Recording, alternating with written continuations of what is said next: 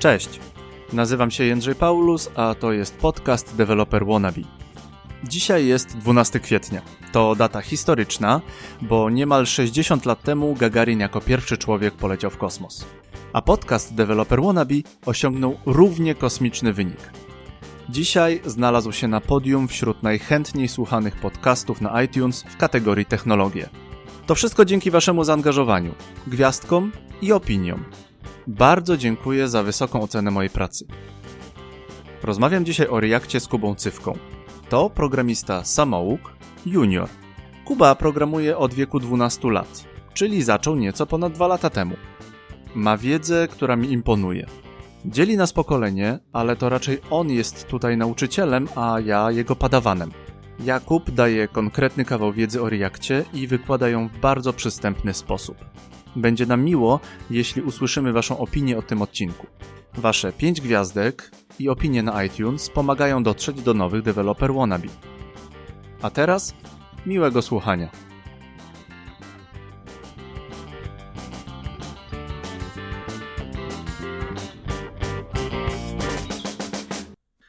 Dzień dobry, deweloper wannabe rozmawia z Jakubem Cywką.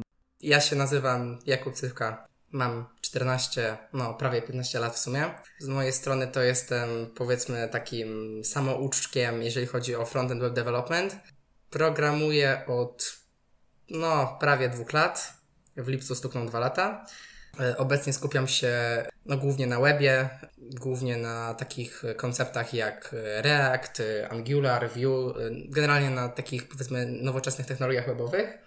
E, No i dzisiaj właśnie chciałbym tutaj e, poruszyć temat e, powiedzmy właśnie tego Co Reacta. robiłeś fajnego programistycznego w tym tygodniu? E, No to w tym tygodniu e, uczyłem się zasadniczo e, Reduxa. To brzmi trochę dziwnie, jak mówię, że jestem, powiedzmy, że e, chcę mówić o Reakcie, a od tygodnia uczę się Reduxa. To znaczy, Reduxa e, chciałem się nauczyć od dłuższego czasu, natomiast problemem dla mnie było zasadniczo to, że e, ja nie programuję w czystym JavaScriptie, tylko bardziej w TypeScriptie. Jeżeli ktoś tego po prostu nie wie, to TypeScript jest e, takim supersetem dla JavaScriptu e, i oznacza to, że cały kod, każdy kod JavaScript jest też poprawnym kodem TypeScript, e, ale oczywiście nie w drugą stronę. TypeScript dodaje taką fajną funkcjonalność znaną powiedzmy z języków typu e, C Sharp e, albo Java, czyli statyczne typowanie. I to jest zaleta, natomiast e, przy okazji Reduxa, mm, kiedy mamy, kiedy mamy do czynienia z, React, z Reactem e, i Reduxem razem ze sobą, jest taka specjalna mm, biblioteka React Redux, która po prostu oferuje e, bindingi, e, po prostu umożliwia wstrzyknięcie stanu aplikacji, bo Redux jest takim, taką biblioteką do zarządzania stanem aplikacji, która pozwala na zarządzanie naprawdę bardzo dużą ilością e, tego stanu. I po prostu przy użyciu Reacta jest wymagane właśnie użycie tej biblioteki React Redux, bo e, ona pozwala na wstrzykiwanie e, stanu dynamicznie do komponentów w Reactie. I problem jest taki, że w TypeScriptie właściwie, jeż- chyba jeżeli nie oznaczymy zmienny, jak, że ma typ jakiś, to to jest w sumie błąd i przez długi, długi czas miałem problem z tym, żeby w ogóle zacząć z Reduxem, bo mm, nie byłem w stanie uniknąć tych błędów wynikających z z typowania. Potem się trochę podskillowałem i, no, i udało mi się to zrobić. e, dzisiaj będziemy rozmawiać o Reakcie, o tym, co React ma dla nas do zaoferowania. Ja jakiś czas temu pytałem się jednego ze znajomych, czego mam się uczyć. To było mniej więcej wtedy, kiedy bardzo zmieniła się moja sytuacja pra- w pracy. On mi zaproponował JS-y Re- React, e, Python ewentualnie, jeśli e, mam jakieś artystyczne umiejętności, to żebym tworzył grafikę. Jeśli mówi ci to doświadczona osoba, która siedzi wiele lat, siedzi w, w IT i wspomina Reacta, to wiedz, że coś się dzieje. Miło mi, że się spotkaliśmy, że dwaj podcasterzy w tym momencie zaczynają gadać. Tak, no bo ja też prowadzę swój podcast e, open source. Myślę, że e, chyba można podlinkować w Na opisie. pewno podlinkuję w opisie, bo to jest też moje pytanie. Dlaczego open source? To dlaczego tak się nazywa open source? E, no, tak nie wyjaśniałem tego może dotychczas, e, tak w swoich prywatnych jakby tam mediach społecznościowych. Open source wynika z tego powodu, że jakby wychodzę z założenia, że to co nagrywam, e, te, ten cały content, który nagrywam, jest przede wszystkim skierowany od programisty do programisty mm, i e, jest jakby w dużej mierze otwarty na różne zmiany. Nie jestem, nie opieram się przy jednym koncepcie i tak naprawdę jestem otwarty na w dużej mierze dowolne, dowolne podcasty. E, nawet pojawiła się wizja, żeby ten podcast nie był stricte programistyczny, a momentami przychodził też w inne tematy, dlatego że w sumie powiedzmy, no, programowanie nie jest moim całym życiem, robię też inne rzeczy. E, natomiast chyba raczej teraz zostaję przy opcji, że to jednak będzie o programowaniu, ale bardzo, bardzo otwarty. Czyli jeżeli ktoś przychodzi e, z backendu, z innego języka, to jak najbardziej w ramach jakby tego, co ja wiem, jestem w stanie z taką osobą porozmawiać. Jestem A w stanie o czymś takim podcastów nagrać. programistycznych? Tak, przede wszystkim słucham, e, oczywiście nie tylko, ale, ale jakby głównie e, to tyczy się IT, ponieważ e, po prostu ja też chodzę do szkoły, powiedzmy nie mam czasu codziennie e, na no, czytanie kilka godzin, powiedzmy artykułów plus programowanie, e, a podcastów można słuchać tak naprawdę robiąc e, wszystkie inne rzeczy, na których nie musimy się skupiać. Powoduje to, że mogę zaabsorbować po prostu swoją uwagę na tym podcaście. Co do samych podcastów, to słucham głównie Porozmawiamy o IT Krzysztofa Kępińskiego. E, Słucham oczywiście Twojego podcastu i słucham jeszcze e, anglojęzycznych podcastów. Wymienisz y, jakieś anglojęzyczne? Tak, e, jednym z nich jest e, Real Talk JavaScript. Aha. To jest taki powiedzmy bardzo dosyć humorystyczny podcast, bo co chwilę jakiś żarcik pada. Słucham też taki podcast Full Stack Radio. To prowadzi twórca tej biblioteki, do tego frameworka CSS, Tailwind CSS. To w sumie chyba tyle, co słucham. Ja z mojej zagranicznych. strony mogę Ci polecić Syntax. A, znam. y, No, Stoliński i Scott Stoliński, znam. o tak. Na, na Twitterze jest Stoliński. Y, Tak, na, na Twitterze sto- Stoliński, no tak, tak po prostu na, na niego stwierdziłem. Jeżeli tego słucha, to Ja przepraszam. jeszcze lubię Learn to Code with Me, e, prowadzony przez, przez taką przemiłą dziewczynę. Ona e, w dużej części zainspirowała również mnie do mojego podcastu, ponieważ podobnie, podobnie wyznaje taką myśl, że programowanie nie możemy się ograniczać programowaniu. Jeżeli robisz JS, to nie możesz tylko i wyłącznie mówić o JS-ie. Tak, no bo to bez sensu. To się zawęża, zawężają się bardzo Na horyzonty pewno wtedy. JS będzie wielką, mm, będzie, będzie dużą częścią programistycznego życia. Jednak dlaczego nie pogadać z człowiekiem z backendu? Dlaczego nie C Sharp? A dlaczego na przykład nie pogadać o tworzeniu produktu? E, Całkiem niedawno miałem taki fajny podcast z przemiłą osobą, Maria Połońska. Mówiliśmy o tworzeniu produktu, wymyślaniu produktu IT. Wracamy do Reacta. Musimy zacząć od początku. Kubo, kiedy i po co został wymyślony React? React.js, bo taka jest oficjalna nazwa, jest biblioteką do tworzenia interfejsów graficznych aplikacji webowych. Termin bardzo y, ogólny, ponieważ można to w sumie przyjmować, że jest to coś do tworzenia wyglądu, czyli bardziej HTML albo CSS. Y, no a, a nie jest tak, bo jest to zasadniczo biblioteka do JavaScriptu. I teraz y, cytując oficjalną stronę Reacta, to jest y, a flexible library for, for building user Jak to mądrze interfaces. brzmi? Tak, e, to brzmi bardzo też znowu ogólnie, bardzo szeroko. Natomiast generalnie chodzi o to, że jest to biblioteka, która wprowadza wiele koncepcji, które pozwalają y, tworzyć i utrzymywać, przede wszystkim utrzymywać w łatwiejszy sposób aplikacje webowe y, pod względem interfejsów graficznych. E, czyli po prostu wyglądu, samego tego kodu HTML. Teraz do samych tych konceptów przejdziemy później, bo na razie chciałbym poruszyć taki temat e, głównie jakby historyczny i jakby kiedy to się zaczęło. Otóż jakby pierwsza wersja pojawiła się w 2011 roku, to znaczy pierwsza wersja została wtedy użyta przez Facebooka w ramach e, ich tam newsfeeda i w 2012 roku też na Instagramie zostało to już użyte. Natomiast wtedy zostało to użyte w ramach zamkniętego rozwiązania, nie było to jeszcze otwarte, nie było to jeszcze aż tak, myślę, też dopracowane, żeby można było to powiedzmy pokazać światu. E, Natomiast samym twórcą tej biblioteki e, był Jordan Walkie, który jest inżynierem i programistą z Facebooka. I też on właśnie zaprezentował to rozwiązanie na konferencji JSConf US w 2013 roku. Teraz y, sama biblioteka została zainspirowana w dużej mierze rozwiązaniem znanym wcześniej z PHP, y, stworzonym również przez Facebooka, czyli XHP. I jest to rozwiązanie, które pozwala na y, używanie składni y, XML w plikach PHP do tworzenia reużywalnych komponentów HTML-owych. I teraz Podobnie jak dzisiaj w Reakcie, odbywa się na takiej zasadzie, jak dzisiaj właśnie tu się odbywa w Reakcie, czyli właśnie też tworzenie reużywalnych komponentów. No ale znowu też o tym powiem troszeczkę później. Na razie bym się chciał skupić na tym, jak to wyglądało. I teraz po tej prezentacji w 2013 roku pojawił się taki lekki boom na to rozwiązanie, to znaczy bardzo wiele osób zaczęło po nie sięgać i y, też pojawiło się dużo pracy związanej z Reactem. Też na to ma związek też wpływ, wpływ na to ma to, że y, React jest używany w wielu komercyjnych projektach przez wiele y, dużych firm, które wszyscy powiedzmy znają y, i po prostu pozwala to sądzić, że jest to w miarę stabilne rozwiązanie, które powiedzmy nie zostanie, nie dostanie statusu nierozwijanego za miesiąc czy rok. Teraz y, sama biblioteka po tym okresie nie zaczęła zwalniać. Facebook w 2015 roku pokazał nową platformę, stricte związaną z Reactem, natomiast e, e, nieco od niej odrębną, e, czyli React Native.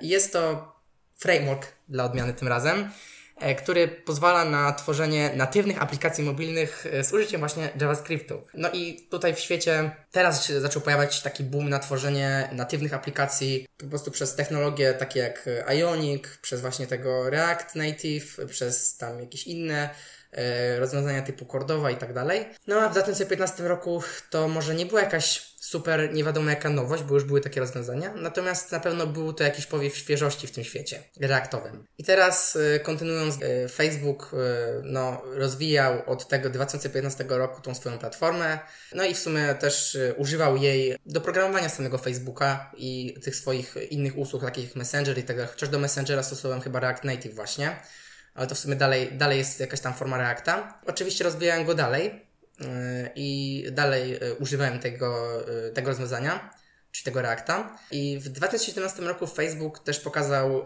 nowy algorytm renderujący, czyli Fiber, czy Fiber, nie wiem do końca jak to czytać. Generalnie on się opiera po prostu na tym, że jest tam troszeczkę inna logika pod spodem, natomiast sam sposób pisania kodu w ogóle się nie zmienił bo też zasadniczo taką, powiedzmy, małą siłą Reacta jest, znaczy tak, Taką ważną zaletą Reacta jest to, że Team stawia na kompatybilność wsteczną, ale też o tym znowu będzie później. I jakby po prostu ten Fiber zmienił sposób renderowania, ale sam kod y, pisze się w taki sam sposób, także jest jako taka kompatybilność wsteczna. No, obecnie, jeżeli chodzi o to, co teraz się dzieje w Reakcie, to pojawił się szał na React Hooks, taki termin, e, i y, jest to niejako przykład ten, te właśnie hooksy w Reakcie, o których też będzie później, że czasem, y, żeby pójść dwa kroki dalej, trzeba się cofnąć najpierw krok wstecz. I jeżeli chodzi o taką popularność Reacta, o to jak y, dzisiaj to wygląda, to obecnie jest to jedna z najpopularniejszych technologii webowych właściwie. Mm, no jest też idealnym przykładem, jak bardzo na dzisiejszy programistyczny świat y, ma wpływ open source i społeczność, ponieważ Facebook zanotował bardzo duży wzrost szybkości developmentu, po tym jak React.js po prostu został, że tak powiem, open source'owany, czyli po prostu otworzono repozytorium na e, GitHubie, które jest publicznie dostępne e, i można tam po prostu się udzielać. Kubo, przechodzimy do następnego pytania. Mniej więcej wiemy, skąd się ten React wziął, skąd się on pojawił, w jaki sposób został zaimplementowany, kto na niego, kto na nim robi swoje programy. No sam Facebook, jeśli Facebook coś przyjmuje, jest to jeden z najpoważniejszych graczy na świecie. Co wpłynęło na to, że ten React został przyjęty? Jakie są możliwości Reacta? Co on nam umożliwia? Czym się wyróżnia? No i teraz, y, tak jak już wspomniałem wcześniej, y, React zasadniczo jest biblioteką do budowania interfejsów graficznych i w tym kontekście oznacza to tyle, że pozwala nam na tworzenie, pozwala nam na podzielenie naszej aplikacji na różne koncepty, e, o których właśnie teraz bym chciał powiedzieć. I tak naprawdę podstawowym z tych konceptów jest e, koncept komponentu. I teraz, jeżeli słucha nas jakiś developer wannabe, jakaś osoba, która powiedzmy e, nawet już zaczęła programować, ale niekoniecznie jeszcze ma styczność z Reactem, to postaram się to wyjaśnić na przykładzie powiedzmy samochodu. To znaczy, jeżeli mamy samochód, no to zapewne każdy wie, że samochód to nie jest, to mimo tego, że to stanowi jedną integralną całość, to to nie jest tak, że ym, samochód jest cały sklejony, to jest jeden moduł i, yy, i tak naprawdę wszystko opiera się na tym takim jednym głównym module. Dlatego, że gdyby tak było, to jeżeli na przykład nam sobie po, powiedzmy przebije opona, no to teoretycznie cały samochód jest do wymiany. Tak na logikę, yy, tak podchodząc do tego, a byłoby to powiedzmy niezbyt opłacalne. E, I dlatego e, występują tam właśnie różne podzespoły. Występuje tam silnik, e, jest maska samochodu, jest elektronika tam do różnych innych systemów. I generalnie koncept jest taki, że jeżeli zepsuje nam się, powiedzmy, oczywiście tutaj nie każda rzecz, ale jeżeli zepsują nam się na przykład, jeżeli nam się na przykład przebije opona, to tak naprawdę nie ma żadnego problemu z tym, y, żeby po prostu kupić sobie nową oponę i wymienić. Y, I tak naprawdę to, czy ta opona jest y, zniszczona, czy nie, to tak naprawdę nie ma wpływu na działanie pozostałych części samochodu, czyli silnik się od tego nie zepsuje. No chyba, że będziemy jechać i nagle przebije się opona, a my wpadniemy gdzieś tam w jakiś rów, czego to tak, taka sytuacja. Tak. Natomiast generalnie koncepcja opiera się na tym, że stosując reużywalne części, takie które są od siebie względnie niezależne, jesteśmy w stanie uzyskać ym, sytuację, w której dużo łatwiej jest utrzymywać dany projekt. No bo tak jak mamy ten samochód, to dużo łatwiej będzie wymienić właśnie tą, tą jedną, dużo łatwiej będzie znaleźć usterkę, wiedząc, że padła jedna rzecz, niż gdybyśmy mieli to wszystko jako jeden główny moduł. Po prostu chodzi o to, że jeżeli nam pękną opony, no to wiemy, że pękły nam opony, a nie, że nam się silnik rozwali, bo to będzie od razu widać. A gdyby to wszystko była integralna całość, to nie do końca byłoby to wiadome. Gdyby to wszystko była, była jakaś jedna płytka stykowa, to wtedy by to, to po prostu nie było wiadome i trzeba by było się domyślać. A w tym momencie e, jakby e, można bardzo łatwo to zbadać. I tak samo jest z aplikacjami webowymi. Załóżmy, że mamy jakiś e, komponent, mamy jakiś drugi komponent, i te dwa komponenty y, tworzą razem jeden główny komponent. Komponent na przykład aplikacji. Komponent, który renderuje główny widok aplikacji. I teraz mimo tego, że sama aplikacja jest integralną całością, to te dwa komponenty, które są w tej y, aplikacji pod spodem, są od siebie niezależne. Na przykład mamy komponent, który wyświetla nam obrazek, powiedzmy pobiera ten obrazek z jakiejś platformy, robi po prostu E, zapytanie do tej platformy i pobiera obrazek i go wyświetla. I drugi komponent wyświetla nam jakiś tekst. I w tym momencie one są ze sobą jakby powiązane, dlatego że zasadniczo oczekujemy, że będzie wyświetlony i obrazek, i tekst. Natomiast nie jest to wszystko w jednym komponencie i dzięki temu mamy pewność, y, od razu, od razu właściwie wiemy, czy y, jest problem z komponentem do obrazka, czy jest problem z komponentem do wyświetlania tekstu do tego obrazka. Gdyby to wszystko było jednym wielkim komponentem, to od razu to nie, nie moglibyśmy tego rozgraniczyć. Od razu wiedzielibyśmy, że cały komponent jest, yy, cały komponent yy, nie działa i w tym momencie jakby proces developmentu takiego komponentu, proces developmentu i proces debugowania byłby dużo trudniejszy, ponieważ mm, musielibyśmy po prostu grzebać w tym kodzie, a tak z podziałem na komponenty jest dużo prościej. E, jesteśmy w stanie od razu zobaczyć po prostu, która konkretna mała część bardzo, kodu Bardzo to wygodne. Tak, e, to jest, no bo możemy sobie wybrać, jaka to jest oszczędność czasu, kiedy wiemy, że dajmy na to nie działa komponent do wyświetlania obrazka, a nie, że nie działa cała aplikacja. Gdybyśmy mieli właśnie wszystko wpakowane w jednej aplikacji, to wtedy musimy cały kod przeglądać, tego poszczególnego, tego poszczególnego, poszczególnego komponentu z aplikacją y, i tam szukać po prostu tych błędów. A tak, mając podział, y, wiemy co działa, na pewno, i na tej podstawie jesteśmy w stanie stwierdzić, co nie działa i tą jedną rzecz poprawić. I też tutaj jakby przechodzimy, przechodzimy też do innej kwestii, czyli ta reużywalność, a mianowicie chodzi o to, że logiczne jest, że jeżeli mamy, dajmy na to, znowu podam przykład, jeżeli mamy samochód, to zasadniczo kupujemy cztery opony takie same, do całego samochodu. Nie ma znaczenia, nie ma czegoś takiego opona do prawej, y, do opona przednia, opona, tyl, opona tylnia. Chyba, czegoś takiego nie ma, z tego co wiem. Tylko po prostu e, nie znam się na samochodach, dlatego tak mówię. E, natomiast generalnie chodzi o to, że e, nie ma czegoś takiego, że jest napisane, że to jest do y, prawej tylnej opony, a to jest do lewej przedniej, bo jest to tak zrobione, że po prostu e, możemy zamontować e, dowolną oponę w dowolnym, w dowolnym miejscu. Wracając do tematu, jakby tutaj dochodzimy do wniosku, że też robiąc te komponenty w reakcie, mm, nie, powin, nie powinniśmy, robiąc w ogóle aplikację, nie powinno być czegoś takiego, że robimy komponent, powinno być czegoś takiego, że robimy komponent do sekcji about, który wyświetla ten sam obrazek, co w innej sekcji, jak na przykład tam w sekcji home, tej, tej, na tej głównej stronie. Powinno być to na takiej zasadzie, że tworzymy jeden komponent i używamy go w różnych miejscach. E, ewentualnie modyfikując różne jego parametry, y, o tym też będzie później przy okazji propsów. To jest taka dosyć istotna zaleta Reacta, że po prostu pozwala nam e, oszczędzać czas w dużej mierze, dlatego że właśnie mm, po prostu doklejamy sobie komponenty w różne miejsca, które właściwie mają to samo, raz je programujemy, używamy w wielu miejscach e, naraz. E, oczywiście e, możemy e, tam je używać, tam ich używać z różną modyfikacją.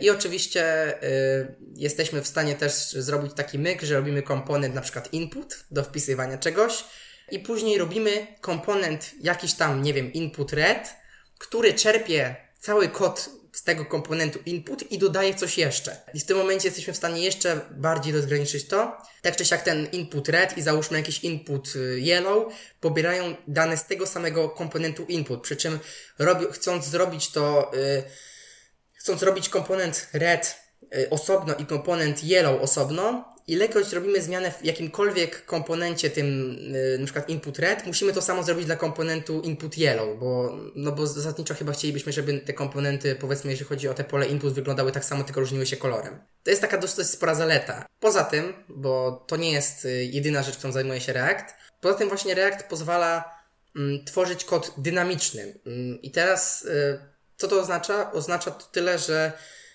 robiąc kasową stronę w HTML-u, pewnie znane są słuchaczom takie, e, takie pojęcie jak e, event listeners, czyli po prostu nasłuchiwacze zdarzeń.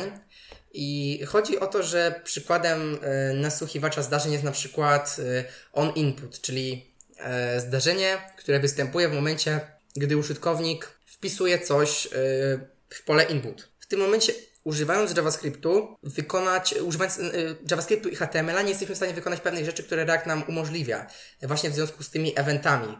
E, a mianowicie e, też e, jeszcze zanim to powiem, to odniosę się do innej rzeczy. Taki fajny przykład. Załóżmy, że mamy, też teraz to połączę z tym event listenerem. Otóż załóżmy, że mamy sobie komponent input i wpisujemy do niego dane. I teraz, jeżeli korzystamy z jakiejś aplikacji webowej, dowolnej właściwie, to jeżeli wpisujemy coś do pola input, na przykład w wyszukiwarce Google, to oczekujemy, że jeżeli klikniemy przycisk Enter na klawiaturze, czy tam ten search, nieważne, to e, załaduje nam się strona z wynikami tego, co aktualnie wpisaliśmy do pola input. Czyli generalnie tłumacząc na taki, taki łopatologiczny, to co wpisujemy w pole input od razu powinno mieć odzwierciedlenie w tej zmiennej, która później zostanie użyta przy wyszukiwaniu. Natomiast przy okazji HTML-a takiego czystego tak nie jest. Czyli jeżeli zrobimy sobie pole input, załóżmy, i będziemy do niego wpisywać dane, to one nigdzie się nie zapiszą. One będą w polu input, ale jeżeli o to nie zadbamy, to one się nigdzie nie zapiszą. Po prostu będziemy wpisywać coś do pola input, ale klikając później enter, będziemy wyszukiwali pusty, pusty tekst, bo fizycznie w tej zmianie nic nie będzie. I teraz jakby wchodzi, chciał, chciałbym wejść w taki temat y, one-way data binding i two-way data binding. E, jest to też koncept znany z Angulara i chociażby z Vue. Też głównie zainspirowany to jest RxJS, czyli biblioteką pod reaktywność w JavaScriptie.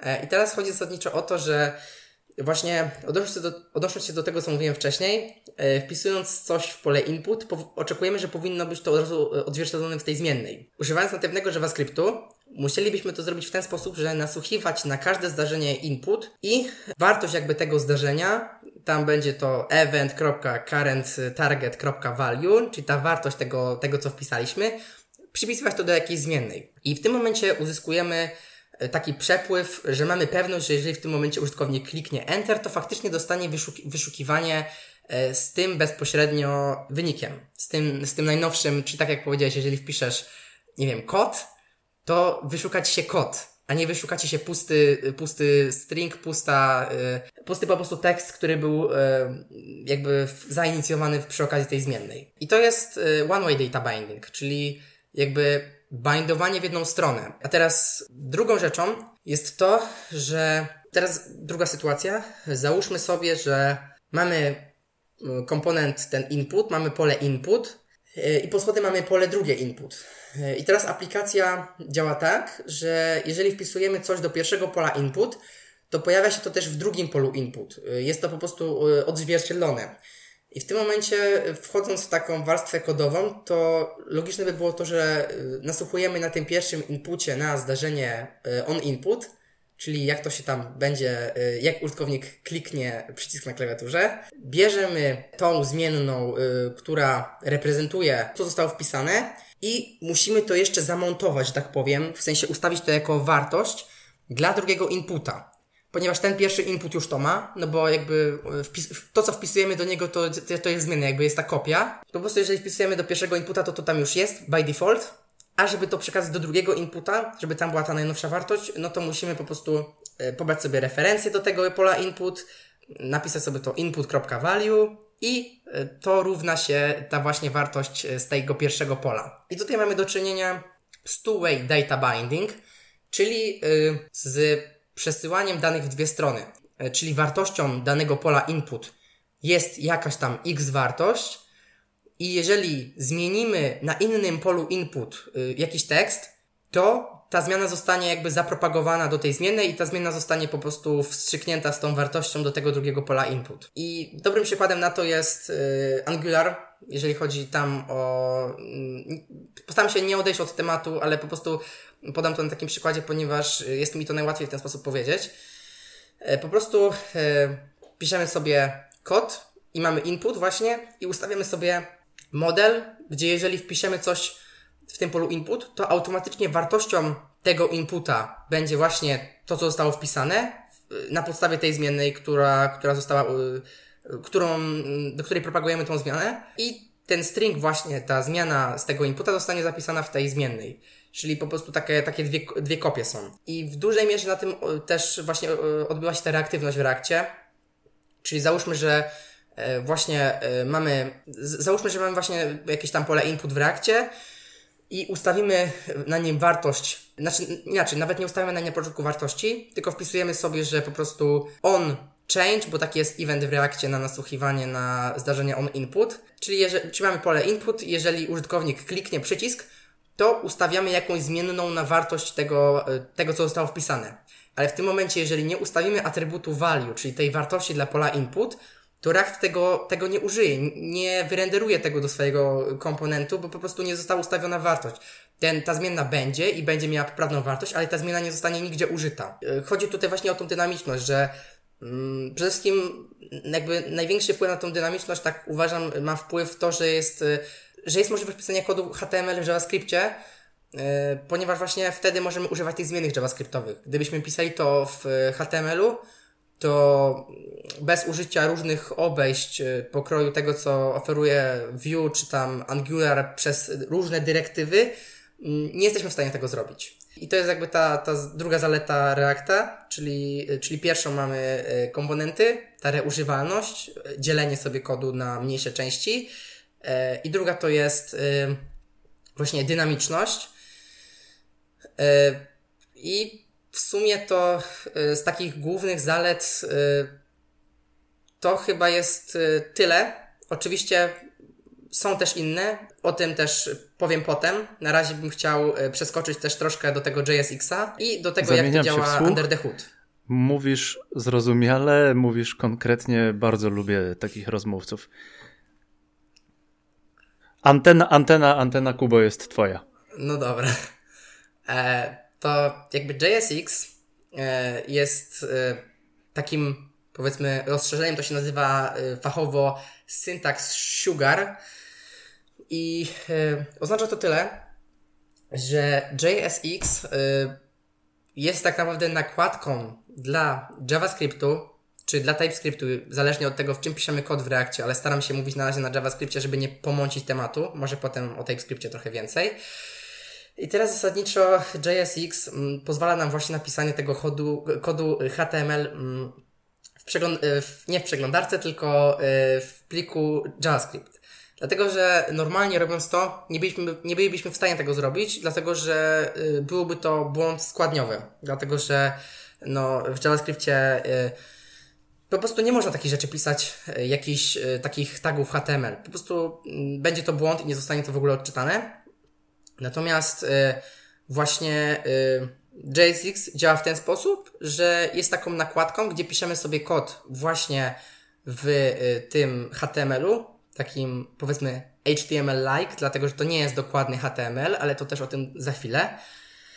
E, I tak naprawdę ten kod jest później kompilowany e, w taki sposób, że każdy element e, HTML, taki jak chociażby input, jest kompilowany do czegoś, co rozumie przeglądarka. A co rozumie przeglądarka, to jest document create element, dlatego że jeżeli byśmy chcieli zrobić sobie element HTML-owy z poziomu JavaScriptu, to użyjemy sobie, to najlepiej użyć takiej funkcji document create element, która pozwala nam na tworzenie elementu. Ona tam przyjmuje argument w postaci stringa, co ma stworzyć i jakie tam ma dać parametry. I dokładnie w taki spo sam sposób odbywa się to przy okazji Reacta, czyli mhm. robiąc sobie po prostu tym JSX-ie, jakby plik summa summarum nie jest zakończony końcówką JSX, tylko normalnie jest jakiś tam plik main, na przykład main.js, ale tak w rzeczywistości to jest właśnie ten plik JSX-owy, tak under the hood, tak pod spodem, że tak powiem.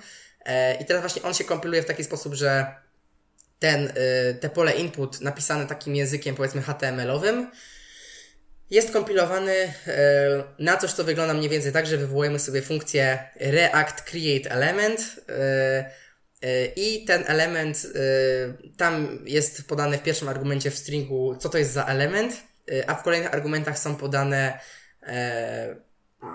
wartości, atrybuty, po prostu dotyczące tego konkretnego elementu. Co jest też ważne, to to, że z tego co wiem, to nie zawsze było tak, że React też oferował pisanie w JSX-ie, dlatego że był taki moment, kiedy trzeba było używać czegoś takiego jak. Bo generalnie JavaScript to jest długa historia, ponieważ, ok, teraz mamy w JavaScriptie zmienne, stałe, inaczej, mamy stałe i mamy zmienne, które są uzależnione scopem, czyli mamy let i mamy const. To jakby w zastępstwie do vara, którego pewnie wszyscy znają, którzy tam powiedzmy programują w JavaScriptie. Jakby tutaj zaletą leta i consta względem vara jest to, że jeżeli na przykład robimy sobie pętlę i ustawiamy w tej pętli jakąś zmienną w środku, to oczekujemy, żeby ta zmienna nie była dostępna na zewnątrz, bo załóżmy, że robimy 10 takich pętli, no to chyba chcielibyśmy zrobić sobie po prostu 10 podobnych zmiennych o podobnej nazwie i raczej oczekujemy, żeby na zewnątrz nie były te zmienne dostępne. Przy okazji Vara było to dostępne, bo było to do zrobienia i powodowało to sporo błędów, bo, bo o ile nie było, nie, JavaScript konsola nie wypluwała błędu przy tworzeniu, przy użyciu Vara dwóch zmiennych e, zagnieżonych w jakimś tam, e, w, jakimś tej, w jakiejś tam funkcji, tak już był problem, jeżeli chodzi o na przykład drukowanie wartości tej, tej zmiennej i tak dalej. E, ale odszedłem trochę od tematu, więc wracając, jakby po prostu kompiluje się to w taki sposób, że no, zamienia nam po prostu ten konkretny element z pola input na na coś, co przeglądarka rozumie i jest w stanie odczytać. Można zadać w ogóle pytanie, po co został wymyślony JSX? JSX został właśnie y, zainspirowany w dużej mierze standardem XHP. Po prostu chodzi o to, żeby można było połączyć ten kod y, JavaScript właśnie z kodem HTML. Ja znowu wracam do, do tego, co mówiłem wcześniej. Y, kiedyś, kiedy po, kiedyś powiedzmy był taki okres, że nie było jeszcze w JavaScriptie czegoś takiego jak klasa, ponieważ teraz no, mamy te zmienne właśnie let, const, mamy też y, słowo kluczowe class i może się wydawać, że to było od zawsze, ponieważ jak na przykład ja wchodziłem do programowania y, półtora roku temu, to już to słowo było dawno i dla mnie to było coś oczywistego, natomiast y, później dowiedziałem się, że powiedzmy to nie jest takie oczywiste, że kiedyś tego nie było. Też w sumie warto wiedzieć, że klasa, tak jakby pod spodem, to jest dalej funkcja, to jest znowu syntax sugar po prostu piszemy słowo kluczowe klas, bo jest tak łatwiej, ale tak naprawdę pod spodem to jest dalej funkcja. Słowo kluczowe klas piszemy dlatego, że później możemy działać w takich, y, takich konceptach jak konstruktory i obiekt dys, ale myślę, że to nie jest tak do końca temat na ten odcinek, chociaż na pewno go poruszę w kontekście później Reacta. Nie było od zawsze tego słowa kluczowego klas, było function, a, a, kiedyś też, mimo tego, że było function, to nie można było pisać właśnie w tym JSX-ie i z tego powodu, znaczy, nie, inaczej, można było pisać w JSX-ie, ale pewnych rzeczy nie można było zrobić z poziomu po prostu w takiej zwykłej funkcji. Więc y, istniała taka funkcja pomocnicza, y, to się chyba nazywało react.createClass. Pierwszy, y, tylko jeden argument, podawało się obiekt, w którym podawało się konkretne funkcje do Reacta, takie jak render, gdzie się renderuje sam komponent, gdzie się ten kod HTML renderuje i podawało się tam też oczywiście inne te funkcje. I tak samo też kiedyś właśnie pisało się React Create Element. Zarówno sam ten React i JavaScript przeszedł bardzo długą drogę, która pozwoliła na to, że obecnie jest dużo więcej możliwości, jeżeli chodzi o właśnie pisanie takich komponentów i dużo jest więcej funkcjonalności tego JavaScriptu.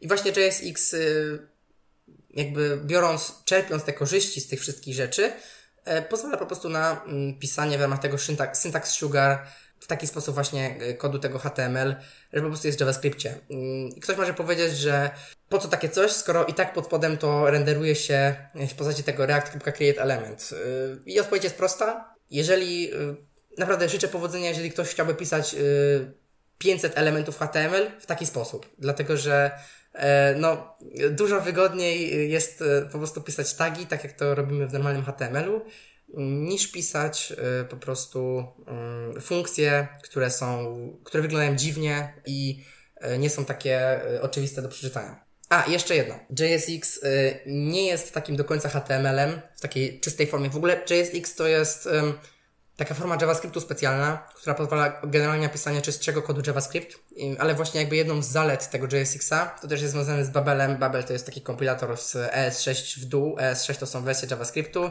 Ja też o tym nagrałem odcinek, więc jakby Jak się nazywał chciał... twój odcinek w podcaście dotyczący ES, wersji ES? Odcinek się nazywa ECMAScript i różne jego implementacje. I jest to odcinek chyba piąty, i generalnie polecam, y, bo ja tam mniej więcej takie ogólne zagadnienia tłumaczę, czym się różni ES6 od ES5 i tak dalej. Ale jakby wracając znowu, e, to y, ten JSX zasadniczą taką mm, powiedzmy wadą tego JSX-a, znaczy wadą, tym co go odróżnia od HTML-a jest to, że y, fakt, że jest ten Babel, że to jest ten kompilator, później się kompiluje właśnie do ES5, e czyli do tej niższej wersji JavaScriptu, gdzie nie było tych niektórych konceptów, takie właśnie klasa i tak dalej, tylko trzeba było używać funkcji, prototypów i tak dalej, ale to już nieważne. E, jakby po prostu kompiluje się do tych rzeczy i przez to, że się kompiluje do takich po prostu niższych segmentów, to pewne słowa kluczowe są zabronione do używania, bo mm, i, i, głównie z tego powodu React nie. Gdy, gdy piszemy normalny kod w HTML-u, to E, piszemy sobie na przykład kod w postaci e, div i piszemy sobie klasę div, class e, i podajemy nazwę klasy w postaci stringa w normalnym HTML-u.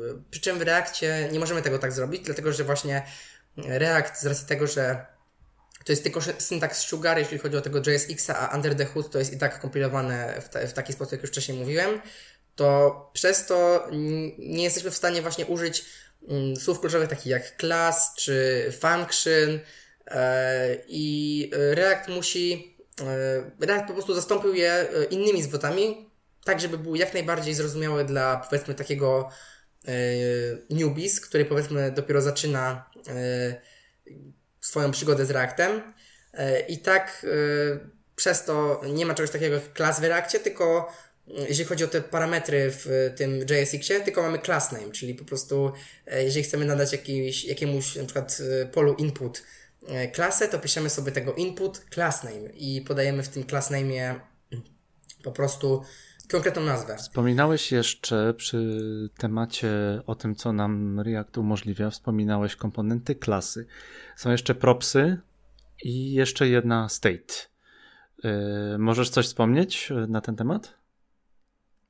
Główną tutaj ideą jest to, że oczekujemy, że tworząc reużywalne komponenty, przez słowo reużywalne rozumiemy w taki sposób, że nie używamy cały czas tego, kropka w kropkę tego samego kodu, dlatego że może się zdarzyć sytuacja, kiedy na przykład mamy dwie sekcje na stronie, gdzie mamy, gdzie potrzebujemy tego samego y, stylu dla tekstu, ale potrzebujemy innego tekstu, czyli jakby innej wartości tego tekstu. I w tym momencie mija się z celem tworzenie dwóch różnych komponentów, e, nawet jeżeli one współdzielą jakby jeden komponent tekst, do wyświetlenia po prostu tych wartości, ponieważ zmiana tak banalna, jaką jest po prostu wartość, a nie na przykład zmiana koloru i tak dalej, chyba po prostu mm, dla takiej malutkiej poprawki, dla takiej malutkiej modyfikacji nie ma sensu tworzenia, na, tworzenia właściwie trzech osobnych komponentów.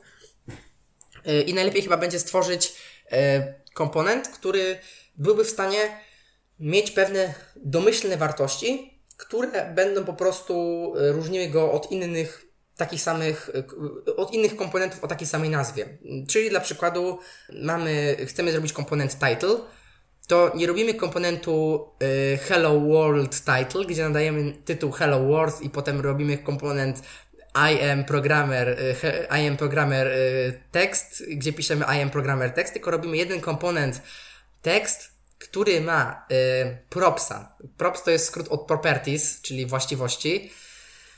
I po prostu robimy sobie y, w tym komponencie propsa, czyli ten, tą właściwość, tekst.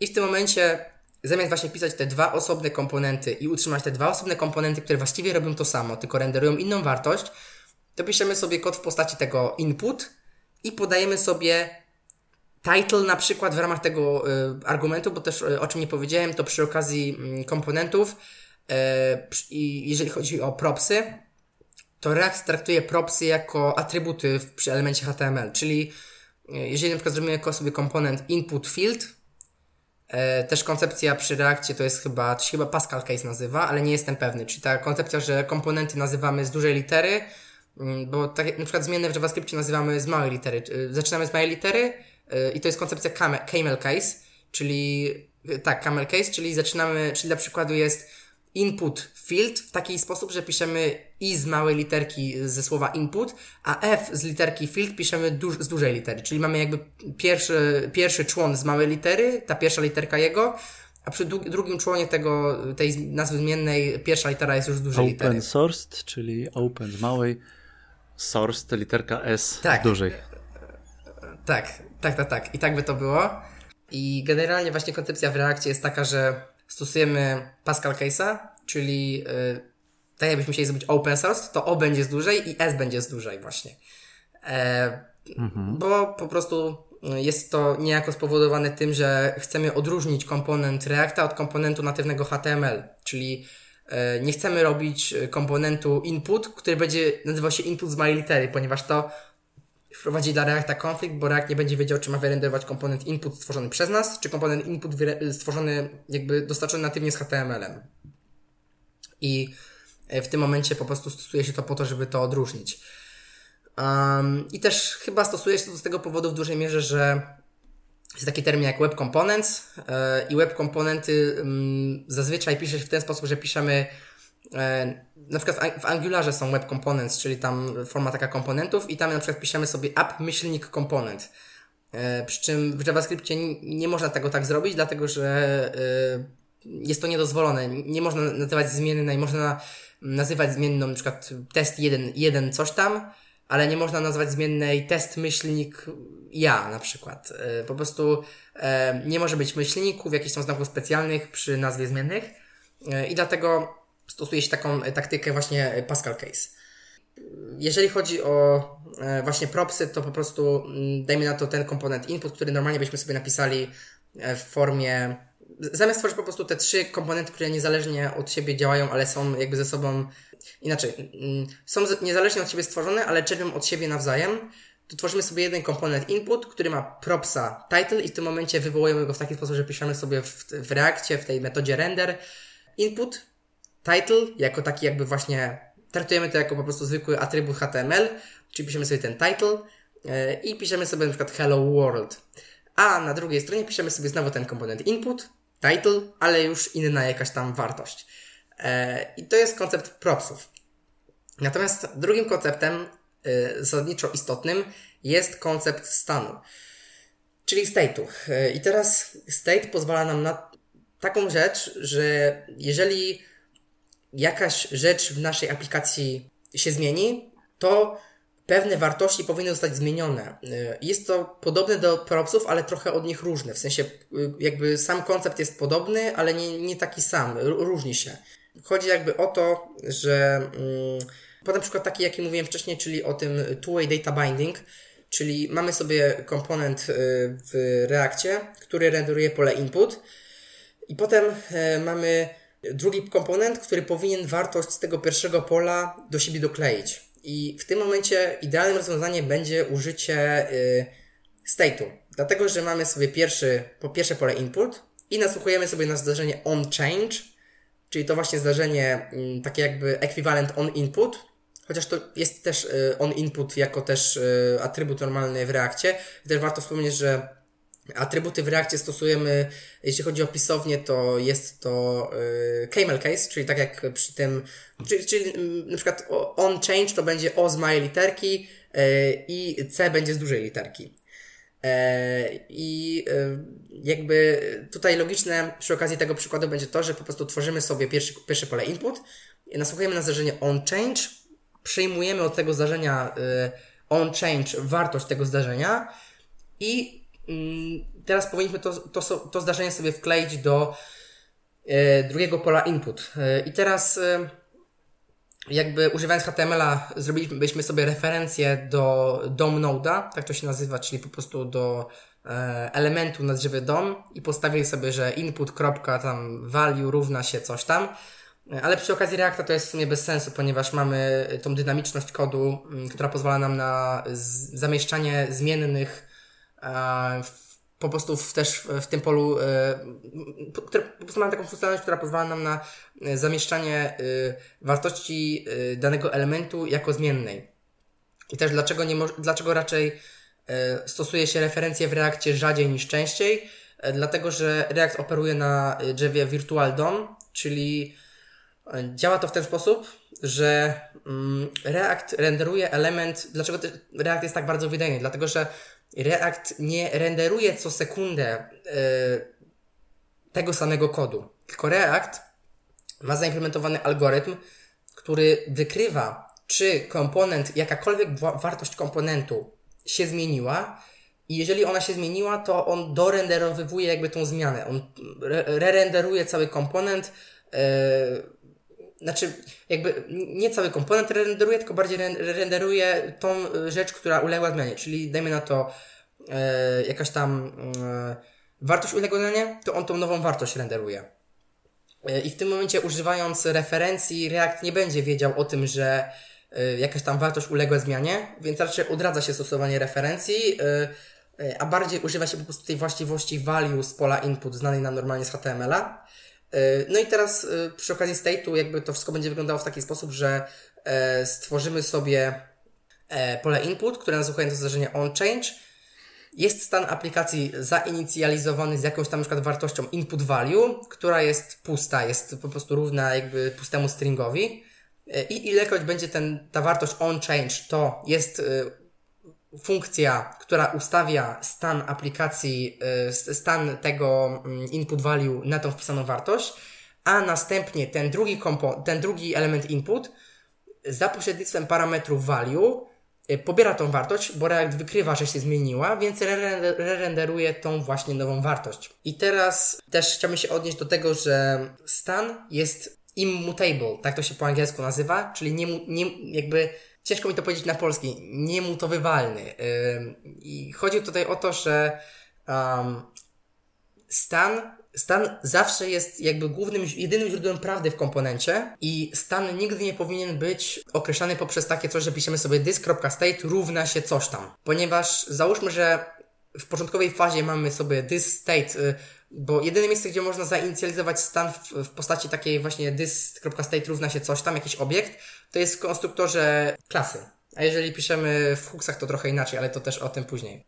stan, ten state, musi być właśnie immutable, dlatego że e, jeżeli w tym konstruktorze zainicjalizujemy sobie stan jako mm, obiekt, który ma jedną właściwość, która, którą jest input value, to React będzie oczekiwał, że no, logiczne będzie, że ta właściwość powinna być cały czas. Ona może mieć jakąś wartość, albo może jej nie mieć w ogóle, ale on powinien, y, ta, ta właściwość powinna cały czas egzystować, gdyby kiedyś się coś w niej zmieniło. I dlatego e, nie można nigdy używać this.state coś tam, po prostu nie można zrobić czegoś takiego, że na przykład w przypadku tej, tego zdarzenia onChange robimy funkcję, która polega na tym, że robimy sobie this.state równa się jakiś tam obiekt nowy, nawet jeżeli to jest obiekt, który zawiera te same wartości ponieważ jeśli zawiera te same wartości, to owszem, nie będzie błędu, bo React dalej będzie wiedział, że, są, że jest ta sama wartość. Natomiast y, przy bardzo dużej aplikacji to może być problemem, dlatego że przy bardzo dużej aplikacji możemy zapomnieć o jakiejś właściwości, niełatwo o tym zapomnieć. Znaczy, nie, trudno o tym zapomnieć. z tego powodu React wyszedł z założenia, że każda zmiana stanu powinna odbywać się na zasadzie sklonowania starego stanu i jakby nadania, stworzenia nowego obiektu, który pobiera wszystkie wartości z tego stanu starego i wszystkie wartości są wymagane w tym nowym stanie, ale mogą mieć różne, różne, nowe, yy, różne nowe wartości. Wszystkie jakby klucze, wszystkie te yy, właściwości obiektu muszą być po prostu takie same, ale ich yy, same wartości już mogą być inne ten y, input value musi być zawsze, ale jego wartość może być, y, raz może być pusty string, raz może być jakiś y, zajęty czymś tam i tak dalej. I, i właśnie z tego powodu w reakcie przy okazji state'ów nie stosujemy takiej bezpośredniej deklaracji, this state równa się coś tam, oprócz właśnie tego konstruktora, bo wtedy inicjalizujemy stan. Dlatego, że jeżeli uży... dlatego, że jeżeli będziemy w innym miejscu pisać this.state równa się coś tam, no to po prostu, yy, mimo że dla małej aplikacji to podziała, tak dla dużej, to może nie, wyrzu- nie wyrzuci to błędu, ale spowoduje to, że kod będzie trudniejszy do debugowania i będzie to prowadziło do bardzo dziwnych, yy, trudnych takich do, do tak naprawdę wychwycenia Kubo, błędów. Wytłumaczyłeś tak, że rozumiem. To znaczy, że yy że umiesz, że umiesz, a jednocześnie umiesz przekazać tę wiedzę. E, poza wizją, kiedy ustalaliśmy jeszcze naszą, e, nasze, nasze tematy, wspomniałeś o architekturze Flux. E, jednocześnie mówiłeś o hooksach, o higher ordered components, mówiłeś o kontekstach, API, o Reduxie. Wiem, że miałeś pewien problem z architekturą Flux. Opowiadaj, to będzie chyba najlepszy moment, żebyś, e, żebyś to e, wyrzucił z siebie i e, żebyś się mógł podzielić tą wiedzą z innymi. Otóż tak, architektura Flux, z tego co ja rozumiem, jakby została wprowadzona przez Facebooka dla swojej aplikacji z tego powodu, że pojawiły się błędy związane z powiedzmy reaktywnością kodu mm, i z takim globalnym stanem kodu. I teraz y, powiedzmy, dużo to nie mówi, natomiast y, w dużej mierze Flux opiera się y, na tym, że mamy mm, coś takiego jak store, czyli mamy jakiś obiekt, który nie myli ze sklepem. Mamy po prostu obiekt, który ma jakieś tam swoje właściwości, ma jakiś, ma jakiś state, dlatego że też trzeba wspomnieć, że state, o którym mówiłem wcześniej, odnosi się do stanu w jednym komponencie. I teraz wchodzimy w bardzo, bardzo, bardzo trudny temat. Dzielenie stanu między komponentami. I teraz, yy, co to oznacza? Yy, oznacza to zasadniczo tyle, że yy, załóżmy, że mamy sobie komponent input, mamy aplikację to do, mamy komponent input i w tym inpucie nasłuchujemy na zdarzenie onChange, które ustawia stan tego input value na jakąś tam wartość, którą, która została wpisana. I teraz mamy drugi komponent y, task, który wyświetla nam wartość, który ma propsa, czyli ten properties i ma pro propsa o nazwie content. I do tego kontentu po prostu podpinamy to, co zostało dodane. Y, I teraz y, przy okazji state'u warto by było mieć w state'cie na pewno wartość, y, taka analiza, jeżeli chodzi o to, o to, co potrzebujemy, to potrzebowalibyśmy czegoś, czegoś w stylu jakiejś właściwości, nie wiem, type, ta, ta, typed task albo coś takiego, żeby wiedzieć, jaka wartość jest wpisana i potrzebujemy, y, jaka jest wartość wpisana w tego, w tego głównego inputu do dodawania zadania. Mm, I potrzebujemy też na pewno y, tablicy ze wszystkimi zadaniami, gdzie te zadania są obiektami, które zawierają jakąś tam powiedzmy właściwość title, ID y, i ewentualnie status, czy zostały ukończone, czy jeszcze nie. Taką ważną rzeczą, powiedzmy, która jest mm, dosyć trudna w reakcie, jest jak ułożyć architekturę aplikacji w ten sposób, żeby zrobić globalny stan, który będzie dostępny dla wszystkich komponentów, dlatego że właśnie to, co jak mówiłem wcześniej, stan odnosi się, stan ten, który mówiłem na początku, odnosi się do stanu pojedynczego komponentu. Jak wcześniej już mówiłem, y, największą jakby zaletą Reacta jest y, jedną z największych takich zalet i takich powiedzmy guide'ów ze strony teamu Reacta, takich porad y, jest to, żeby dzielić sobie aplikację na komponenty. I w tym momencie, jeżeli mamy komponent task, to każdy komponent task ma swój własny state i każdy komponent add task też ma swój własny state. Więc teraz możemy sobie wyobrazić, że bardzo ciężko będzie, bardzo ciężko będzie doprowadzić te komponenty, bardzo ciężko będzie jest, y, po prostu dzielić stan między tymi różnymi komponentami w taki sposób, że jeżeli y, w tym komponencie add task piszemy sobie jakąś wartość, to ta wartość zostanie y, w tym polu, w tym polu po prostu task, w tym polu, z tym, w tym komponencie z tym zadaniem. Dlatego, że mimo, że ta wartość z tego pola input do dodawania zadania będzie w stanie tego komponentu, to nie będzie w stanie tego komponentu, który wyświetla zadanie. Mm, po prostu to są dwa stany różne. E, w tym momencie naszym celem jest jakby to, żeby był jeden stan, który będzie propagowany do wszystkich komponentów, mimo tego, że one mogą mieć też swoje pojedyncze stany. Czyli załóżmy komponent task może mieć stan, czy zadanie zostało ukończone. Po to taki stan powinien mieć, żeby wiedzieć, czy renderować w ogóle ten komponent, czy nie ale do tego każdy komponent inny powinien mieć jeszcze propagowane konkretne właściwości, takie jak title y, danego taska, y, czyli ten tytuł, ID, żeby po prostu mógł to wyświetlić. Teraz dochodzimy do takiego momentu, gdzie można stwierdzić, że w sumie, y, no, jeżeli stan jest obiektem w danym komponencie, to dlaczego nie możemy stworzyć jednego globalnego stanu dla całej aplikacji, który będzie, yy, który będzie pobierany, będziemy pisali w każdym komponencie this.state równa się yy, i ten nasz globalny obiekt, który sobie utworzyliśmy w jakimś tam innym pliku. Yy, I w, teorii, w teorii, teoretycznie jesteśmy w stanie tak zrobić, natomiast w praktyce nie.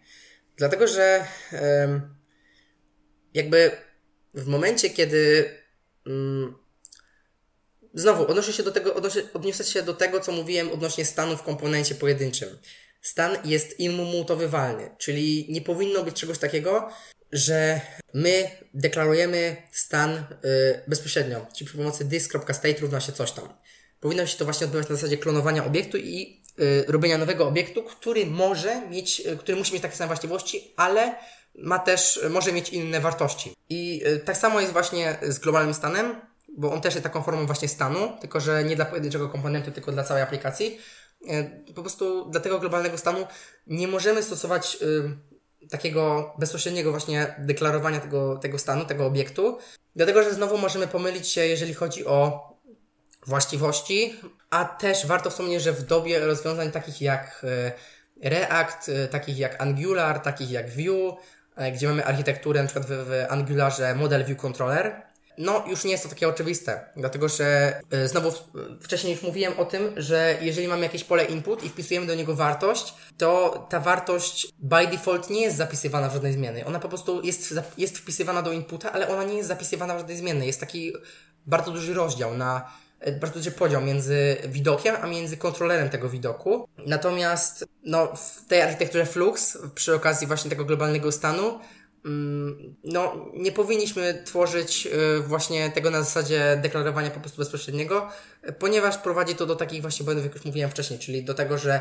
mm, tracimy właściwości, React się gubi, React nie wie, co ma zrobić.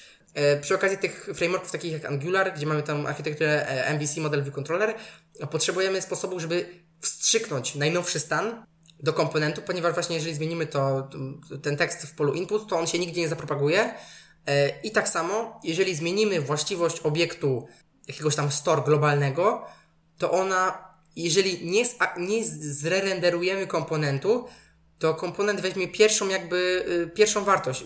Wytłumaczę to na przykładzie, żeby to było łatwiej zrozumiałe. Mamy obiekt store, on na jakieś tam wartości input value równa się, yy, właściwie dwukropek, bo obiekt się deklaruje z dwukropkiem. Yy, I sobie deklarujemy input value, że to jest yy, pusty string, i teraz każdy komponent otrzymuje y, jako state tą właśnie domyślną wartość, czyli piszemy sobie y, this state, y, this.state równa się ten store globalny. No i ok, ten komponent weźmie te domyślne wartości i użyje ich w swojej, w tam u siebie i to będzie działać. Ale w momencie, gdy my będziemy chcieli zmienić sobie wartość tego stora, czyli na przykład zmienimy sobie store równa się coś tam nowego, to mimo tego, że zmieniliśmy wartość stora, to inne komponenty nie wiedzą o tym, że store się zmienił, bo one użyły stora y, z tej najwcześniejszej wersji, z tej wersji zanim się to zmieniło. I jeszcze inny przykład, jeżeli mamy sobie y, zmienną number, która jest równa 0, a potem mamy zmienną y, new number, która jest równa number, czyli jest równa temu 0, i później ten number pierwszy zmienimy sobie na 1, to ten new number nie zmieni się też znowu na 1, bo tam ta wartość się zmieniła, tylko zostanie ta wartość pierwsza, ta, ta, ta wartość 0, zanim ta, ta wartość uległa zmianie. I właśnie dlatego jest wymagane użycie architektury Flux, ponieważ po prostu nie ma innej metody, inaczej, są inne metody, ale jest to najlepsza według Facebooka i według tam y, wielu jakby y, osób, y, jest to najlepszy sposób, jest to też moim zdaniem jeden z najlepszych sposobów na y, zapropagowanie tych zmian. I teraz y, już wchodząc w sam temat, jak to się odbywa, to mamy sobie ten obiekt store, który jest po prostu tym obiektem, ale nie wywołuje się go jako const y, store równa się coś tam w postaci obiektu. Tam var store, jeżeli ktoś nie wie jeszcze o co chodzi, jeżeli ktoś powiedzmy jeszcze nie zna konstów i tak dalej. E, e, I po prostu przy okazji Fluxa mamy jakąś funkcję, która nam tworzy store, która zwraca, która jakby tworzy domyślny obiekt e, i ten obiekt jest, i ten obiekt jest niemutowywalny. Czyli nie możemy właśnie go zmodyfikować, tylko jakby fajną rzeczą ze strony Fluxa jest to, że przy okazji state'u jesteśmy w stanie zmodyfikować go wprost. Czyli jesteśmy w stanie napisać y, this.state równa się obiekt. I tak możemy zrobić, a przy okazji Fluxa, przy okazji np. Reduxa, nie możemy tak zrobić. Y, Redux to jest, jak już wcześniej wspomniałem, biblioteka do zarządzania stanem aplikacji w Reakcie, oparta na Fluxie, ale zmodyfikowana lekko, y, jeżeli chodzi o te jego koncepty. I teraz yy, po prostu w Reduxie, ale ogólnie w architekturze Flux, tworząc store, tylko teraz się odniosę już do Reduxa, tworząc store, pisząc sobie store, nie mamy żadnych właściwości tego obiektu. Mamy jedynie funkcje, które pozwalają nam akcjami zmieniać sobie wartości tego obiektu yy, i mamy funkcję getState, która nam zwraca ten najnowszy obiekt. I właśnie ma to taką zaletę, że nie ma opcji, żebyśmy przez przypadek zmodyfikowali sobie wartość stora bezpośrednio, bez klonowania najpierw tego obiektu. I teraz podam na przykładzie Fluxa, znaczy na przykładzie Reduxa. E, mamy sobie ten obiekt store.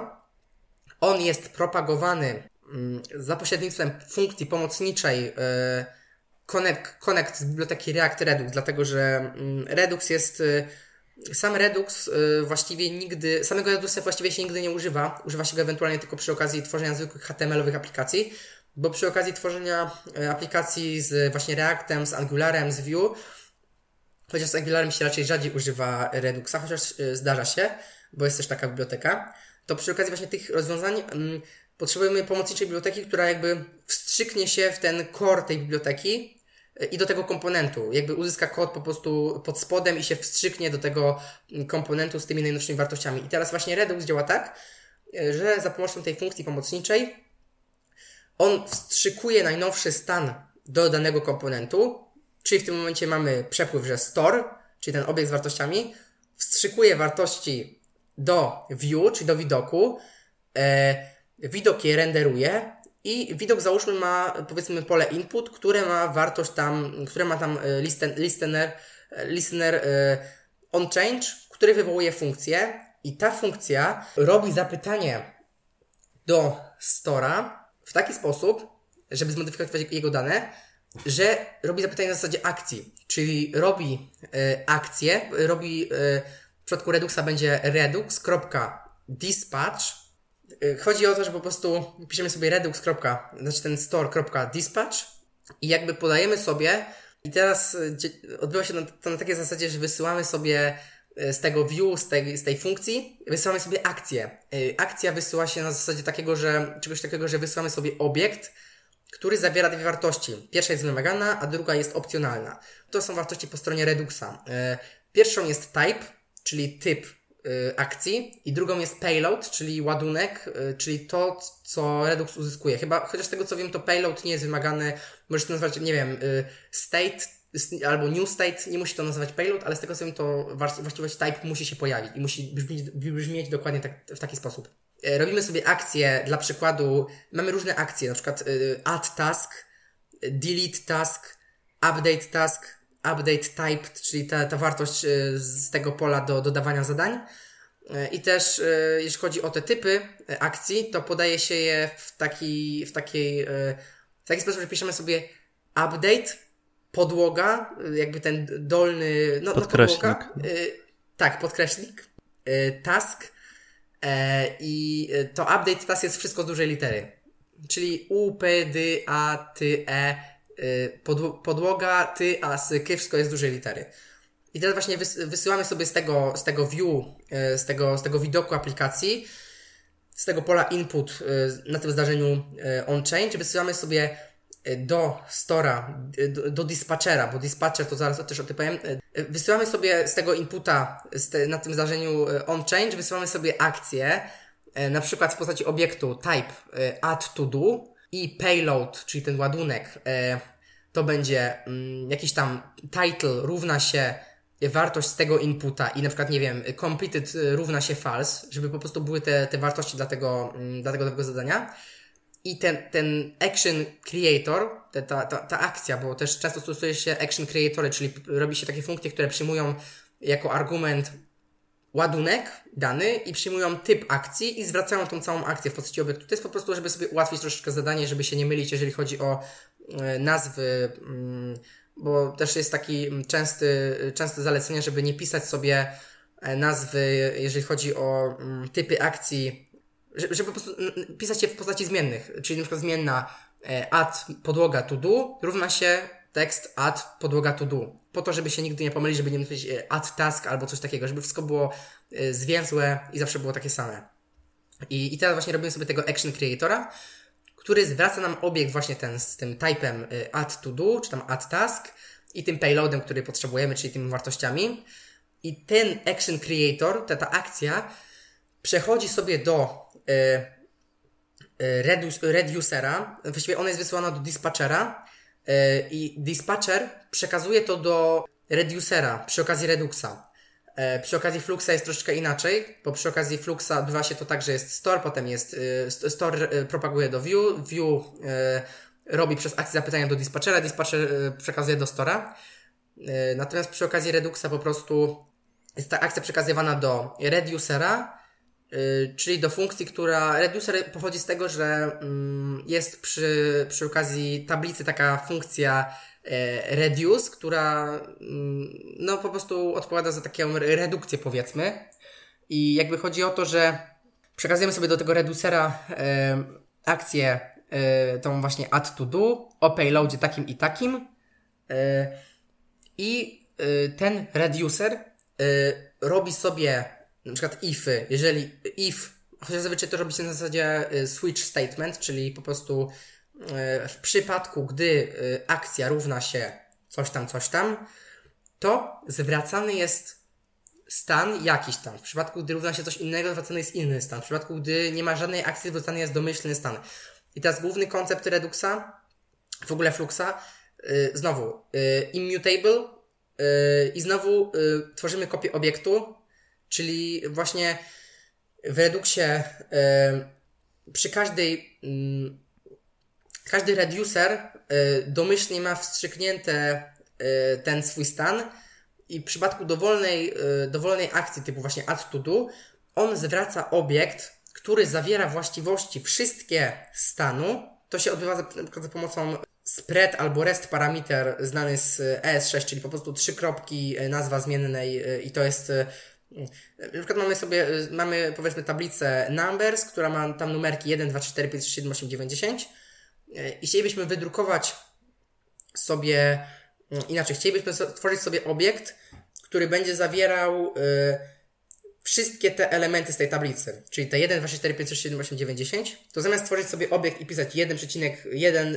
1,2, 3,4, 5,6 i tak dalej, to piszemy sobie trzy kropki, piszemy sobie tam tablicę, e, tą nazwę tej tablicy i automatycznie to zostanie wstrzyknięte po prostu. I właśnie w Reduxie odbywa się to w taki sposób, że na każdą akcję jest zwracany nowy obiekt, który zawiera właśnie zwrócone te stare właściwości, a później yy, na przykład yy, return obiekt, yy, trzy kropki stan poprzedni, przecinek i nadajemy na przykład y, nową, nową wartość dla właściwości typed, czyli piszemy sobie typed, dwukropek, coś tam, coś tam. I w tym momencie działa to tak, że te właściwości, które są jakby później po przecinku, zostaną z, y, te, te właściwości zostaną podmienione y, po prostu w miejsce tych starych. Czyli też dochodzimy do tego, co, co powiedziałem wcześniej, że każdy obiekt stanu w Reduxie i w ogóle we Fluxie jest taki sam jak poprzednio, natomiast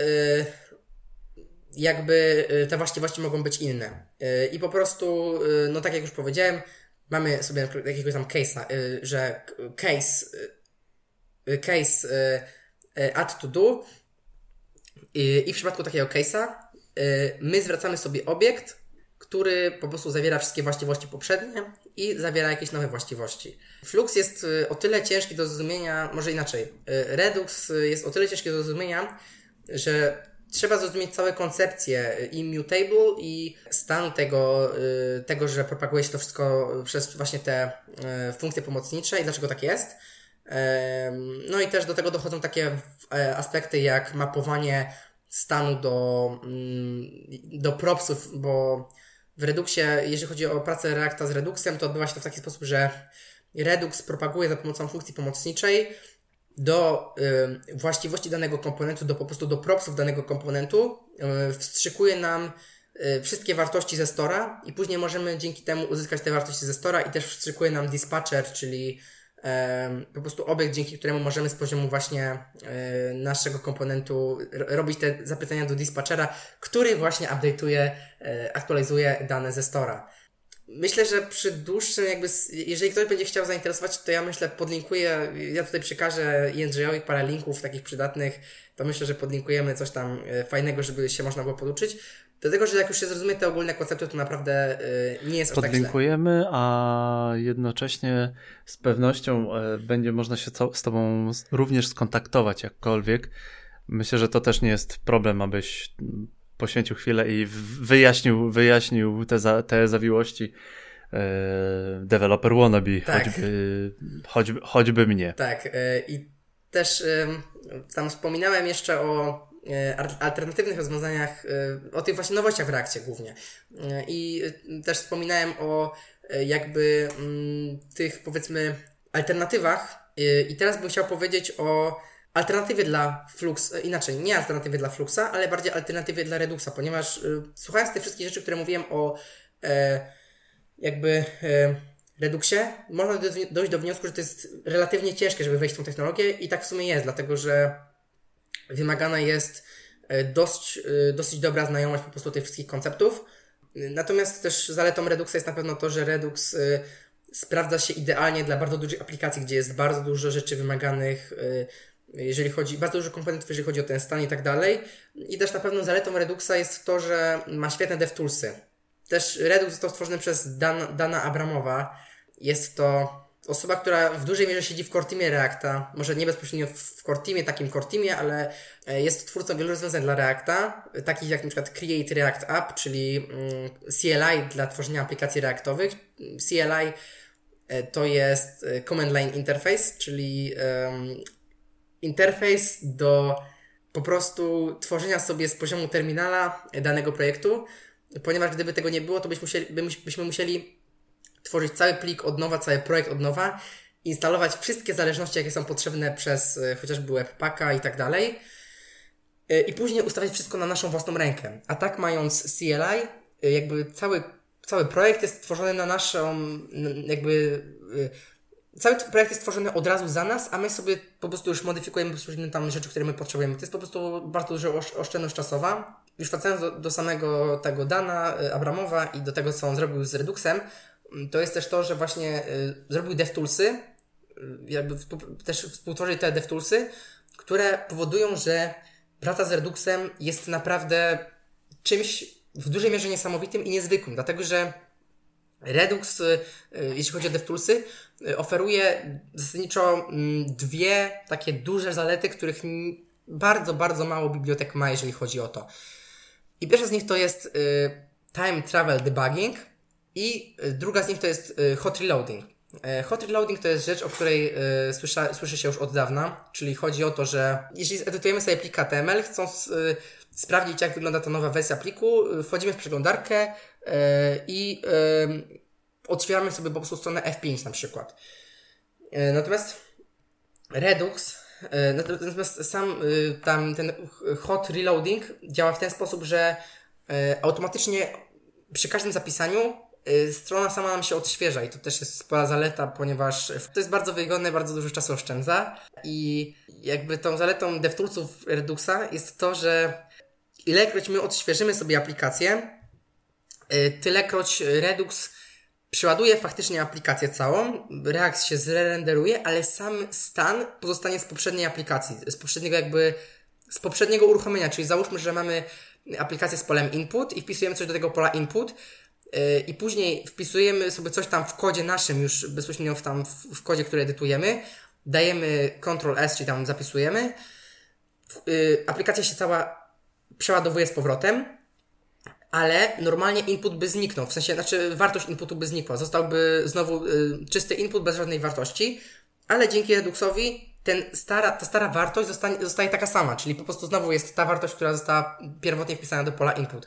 E, I jest to bardzo duża, e, bardzo fajna sprawa, dlatego że e, na przykład jeżeli chcemy testować zachowanie aplikacji w danej sytuacji, na przykład kiedy mamy 10 różnych zadań wpisanych, to przy każdym przeładowaniu strony musielibyśmy dodawać ręcznie nowe te 10 zadań, na nowo, czyli musielibyśmy 10 razy po prostu dodawać zadanie.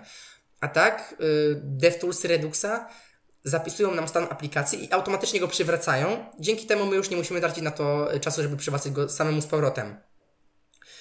I to jest zasadniczo pierwsza ta zaleta, ten hot reloading i z tym się łączy time travel debugging, czyli w ogóle petarda dla mnie, E, chodzi tutaj o to, że e, jesteśmy w stanie cofnąć stronę do poprzedniego stanu tej strony. Czyli załóżmy, że mamy pole input wpisaną jakąś wartością hello world, to żeby ta wartość została wpisana, to poja pojawiło się 10 akcji właściwie. E, właściwie to 11, bo jeszcze spacja. Pojawiło się 11 akcji, z których każda z nich było po prostu z update'owaniem, z aktualizowaniem tego pola input. Czyli pierwsza, pierwsza jakby Pierwszy dispatcher odnosił się do. E, przekazywał payload w postaci ładunku, w, w postaci właśnie e, tej wartości pisanej w pole input, e, która wynosiła wtedy tam te H, potem było HE, potem było he, hel, potem było hell i tak dalej, i tak dalej.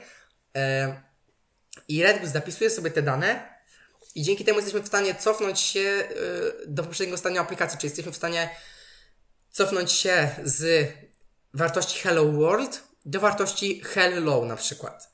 E, I o ile przy takim prostym przykładzie to nie ma większego znaczenia, tak przy robieniu bardzo skomplikowanych rzeczy e, ma to znaczenie, ponieważ na przykład e, aplikacja działa, działa, działa fajnie, ale nagle wykonujemy jakieś zdarzenie, które powoduje, że aplikacja się wykrzacza. I w tym momencie dzięki tym DevToolsom możemy dokładnie sprawdzić, co się stało, dokładnie przewinąć sobie stan do tyłu i zobaczyć, jak wyglądało to wcześniej. Mm, i dla mnie to jest naprawdę spora zaleta. Są oczywiście alternatywy dla Reduxa, takie jak np. MobX, tylko że jakby w 2015 roku, kiedy wchodziła ta architektura, powiedzmy, było masę bibliotek, bo sam Flux to nie jest, to nie jest żadna biblioteka, tylko to jest architektura. I w 2015 roku wchodziły różne biblioteki, które implementowały architekturę Flux. O tyle po tych trzech latach został właściwie, jeśli chodzi o tych liczących się graczy, tylko jeśli chodzi o te liczące się rozwiązania, został tylko Redux i został tylko MobX. Natomiast myślę, że jednak więcej ludzi używa Reduxa, chociaż MobX, y, nie miałem z MobXem za bardzo styczności, ale chyba też nie jest jakiś y, po prostu, chyba też oferuje podobne funkcjonalności. Później też jeszcze myślę, że wspomnę tylko o kontekst API i o hooksach, bo to jest też ciekawe. Przejdźmy temat. do tematu open source. Jest to temat Ci bliski. Sam Twój podcast się bardzo podobnie nazywa. Jak się ma sprawa z developmentem projektu e, samego Reacta? Jaki wpływ ma społeczność open source na rozwój Reacta? React przez pierwsze dwa lata był zasadniczo, e, powiedzmy od tego 2011 roku do 2013 roku był projektem zamkniętym, e, co oznaczało w praktyce tyle, że właściwie jedynymi deweloperami jego był team Facebooka. Natomiast jakby zewnętrzne ingerencje nie były za bardzo możliwe. E, przy open source'owaniu, open source'owaniu projektu się to zmieniło. I teraz ja jestem wielkim zwolennikiem open source'a. E, ktoś może powiedzieć, że to jest pracowanie za darmo, ale tak nie jest, dlatego że to się opiera na obustronnej współpracy. E, tak, tak jak mm, ja korzystam z Reacta na przykład na co dzień, tak powiedzmy, zauważę jakiś błąd w reakcie i stwierdzę, że no, muszę go sobie naprawić samemu. I w tym momencie, jak sobie go naprawię samemu, to tak naprawdę i tak już włożyłem pracę w to, żeby go sobie naprawić. To dlaczego mam go zostawić tylko dla siebie? Przecież mogę go udostępnić całej społeczności, y, i wtedy przy okazji sam używając go, tego Reacta w innym projekcie, nie muszę kopiować znowu tego rozwiązania ze starego projektu, tylko mogę y, po prostu użyć Reacta, który już będzie miał tą, y, ten błąd naprawiony. I jakby React zauważył bardzo duży, React dostał dużego kopa, kiedy przyszła społeczność, dlatego że po prostu mm, ludzie pomagają po prostu. Jest bardzo dużo ludzi, którzy w czasie wolnym naprawdę, no można powiedzieć, że pracują za darmo. Ale tak nie jest, dlatego że jeżeli ja korzystam z Reacta, mm, to, to korzystam z jakiegoś rozwiązania za darmo. I w tym momencie, jeżeli znajdę błąd, to po prostu mogę wysłać ten błąd, mogę wysłać poprawkę, team to zaakceptuje, ten team Reacta i będzie błąd naprawiony. I w tym momencie to jest obustronna współpraca. Ja korzystam z jakiegoś rozwiązania za darmo, ale jednocześnie jestem wdzięczny tej, tej, tej właśnie Facebookowi w tym wypadku za zrobienie tego rozwiązania, za stworzenie go yy, i staram się pomóc jak potrafię. E, I generalnie w społeczności open source, jeżeli chodzi o tematy reaktowe, dzieje się bardzo dużo, dlatego że powstaje bardzo dużo narzędzi przede wszystkim do Reacta. E, I tak jakby moim zdaniem najważniejszym narzędziem, które zasługuje na uwagę jest przede wszystkim e, Create React App, Gatsby, Next, no generalnie są jeszcze inne, ale o co chodzi? Create React App, jak już wspomniałem, to jest, jak już wspomniałem wcześniej, to jest rozwiązanie już oficjalnie utrzymywane przez Facebooka, już to, bo kiedyś to było tylko społecznościowe, takie powiedzmy od społeczności. Teraz jest to oficjalne rozwiązanie ze strony Facebooka, które sami wspierają. Ten Create React App właśnie jest CLI pozwalający nam na tworzenie aplikacji y, z poziomu terminala. Natomiast powstały też alternatywne y, CLI do tworzenia trochę innych aplikacji Reacta. Mm, to znaczy, yy, Create React App sam w sobie e, stosuje się do tak zwanych spasów, czyli do e, Single Page Applications, czyli do aplikacji jakby działających w oparciu o jedną stronę, e, dlatego że routing w Reakcie e, wymaga użycia zewnętrznych bibliotek i tak dalej. Routing, czyli e, jeżeli klikniemy w jakiś tam link, no to przeniesie nas na przykład na sekcję about strony i tam się wyświetla jakaś inna wartość. E, I generalnie właśnie z pomocą na te problemy związane z sytuacją, kiedy robimy aplikację, która nie jest single page'owa, po prostu są rozwiązania alternatywne od społeczności. I pierwszym z nich jest Gatsby, Gatsby.js. Jest to rozwiązanie CLI pozwalające na tworzenie projektów Reacta, które używają konceptu static site rendering, czyli taki koncept, gdzie strona przy budowaniu strony za każdym razem jest budowany plik HTML, który ma jakby wszystkie zależności spakowane i w tym momencie aplikacja uruchamia się prawie naty natychmiast, bo jedyne co musi zrobić to odczytać plik HTML. Yy, nie musi, już jest jakby aspekt kompilacji już jest pominięty, bo już jest skompilowane wcześniej. W momencie kompilacji po samej stronie, tutaj jak ja koduję. Wygoda. Yy, ale przede wszystkim to jest też wygoda dla użytkownika końcowego. To ma duże znaczenie, bo też ostatnio byłem na y, takiej konferencji programistycznej, y, w sumie swojej pierwszej w życiu. Y, też mówiłem o niej w swoim podcaście na tej konferencji był taki bardzo ciekawy talk na temat wydajności aplikacji webowych, gdzie y, po prostu dowiedziałem się mniej więcej, że to ma duże znaczenie dla użytkownika końcowego, czy aplikacja uruchamia się w 2 sekundy, czy w 10 sekund. To jest bardzo, to ma bardzo duże znaczenie, bo ja też sam po sobie widzę, co się dzieje, kiedy ja uruchamiam stronę, która ładuje się kilka sekund. Ja po 3 sekundach, 4 powiedzmy tracę trochę cierpliwość, już nie mam trochę ochoty czekać na to i odpuszczam. Natomiast e, e, właśnie Gatsby jest takim jednym z rozwiązań, które pozwala na to, że tworzymy aplikacje, które są już statycznie zbudowane. Natomiast jest wada tego rozwiązania, taka, że na przykład nie zrobimy sobie zapytań do bazy danych z poziomu takiej aplikacji, ponieważ mm, ta aplikacja jest po prostu statyczna. Widok jest statyczny i jest zrobiony w taki sposób, no raczej przy okazji Gatsby'ego nie robi się aplikacji to w Gatsby, bo jest raczej, Gatsby jest raczej przeznaczony do robienia aplikacji typu, nie wiem, portfolio swoje, tam jakiegoś bloga, raczej do rzeczy, które są y, odgórnie narzucone w w, ten, w tym sensie. Alternatywnym rozwiązaniem dla Gatsby'ego, który rozwiązuje część z tych problemów, jest y, next.js. Jest to y, framework do budowania mm, aplikacji opartych na server-side rendering, czyli po prostu na renderowaniu po stronie serwera i później wrzucaniu nam już samego tego pliku e, wynikowego. To też jest, to, to rozwiązanie oczywiście też ma, też ma swoje wady i już tutaj myśl, myślę, że nie mam potrzeby takiego zagłębiania się generalnie.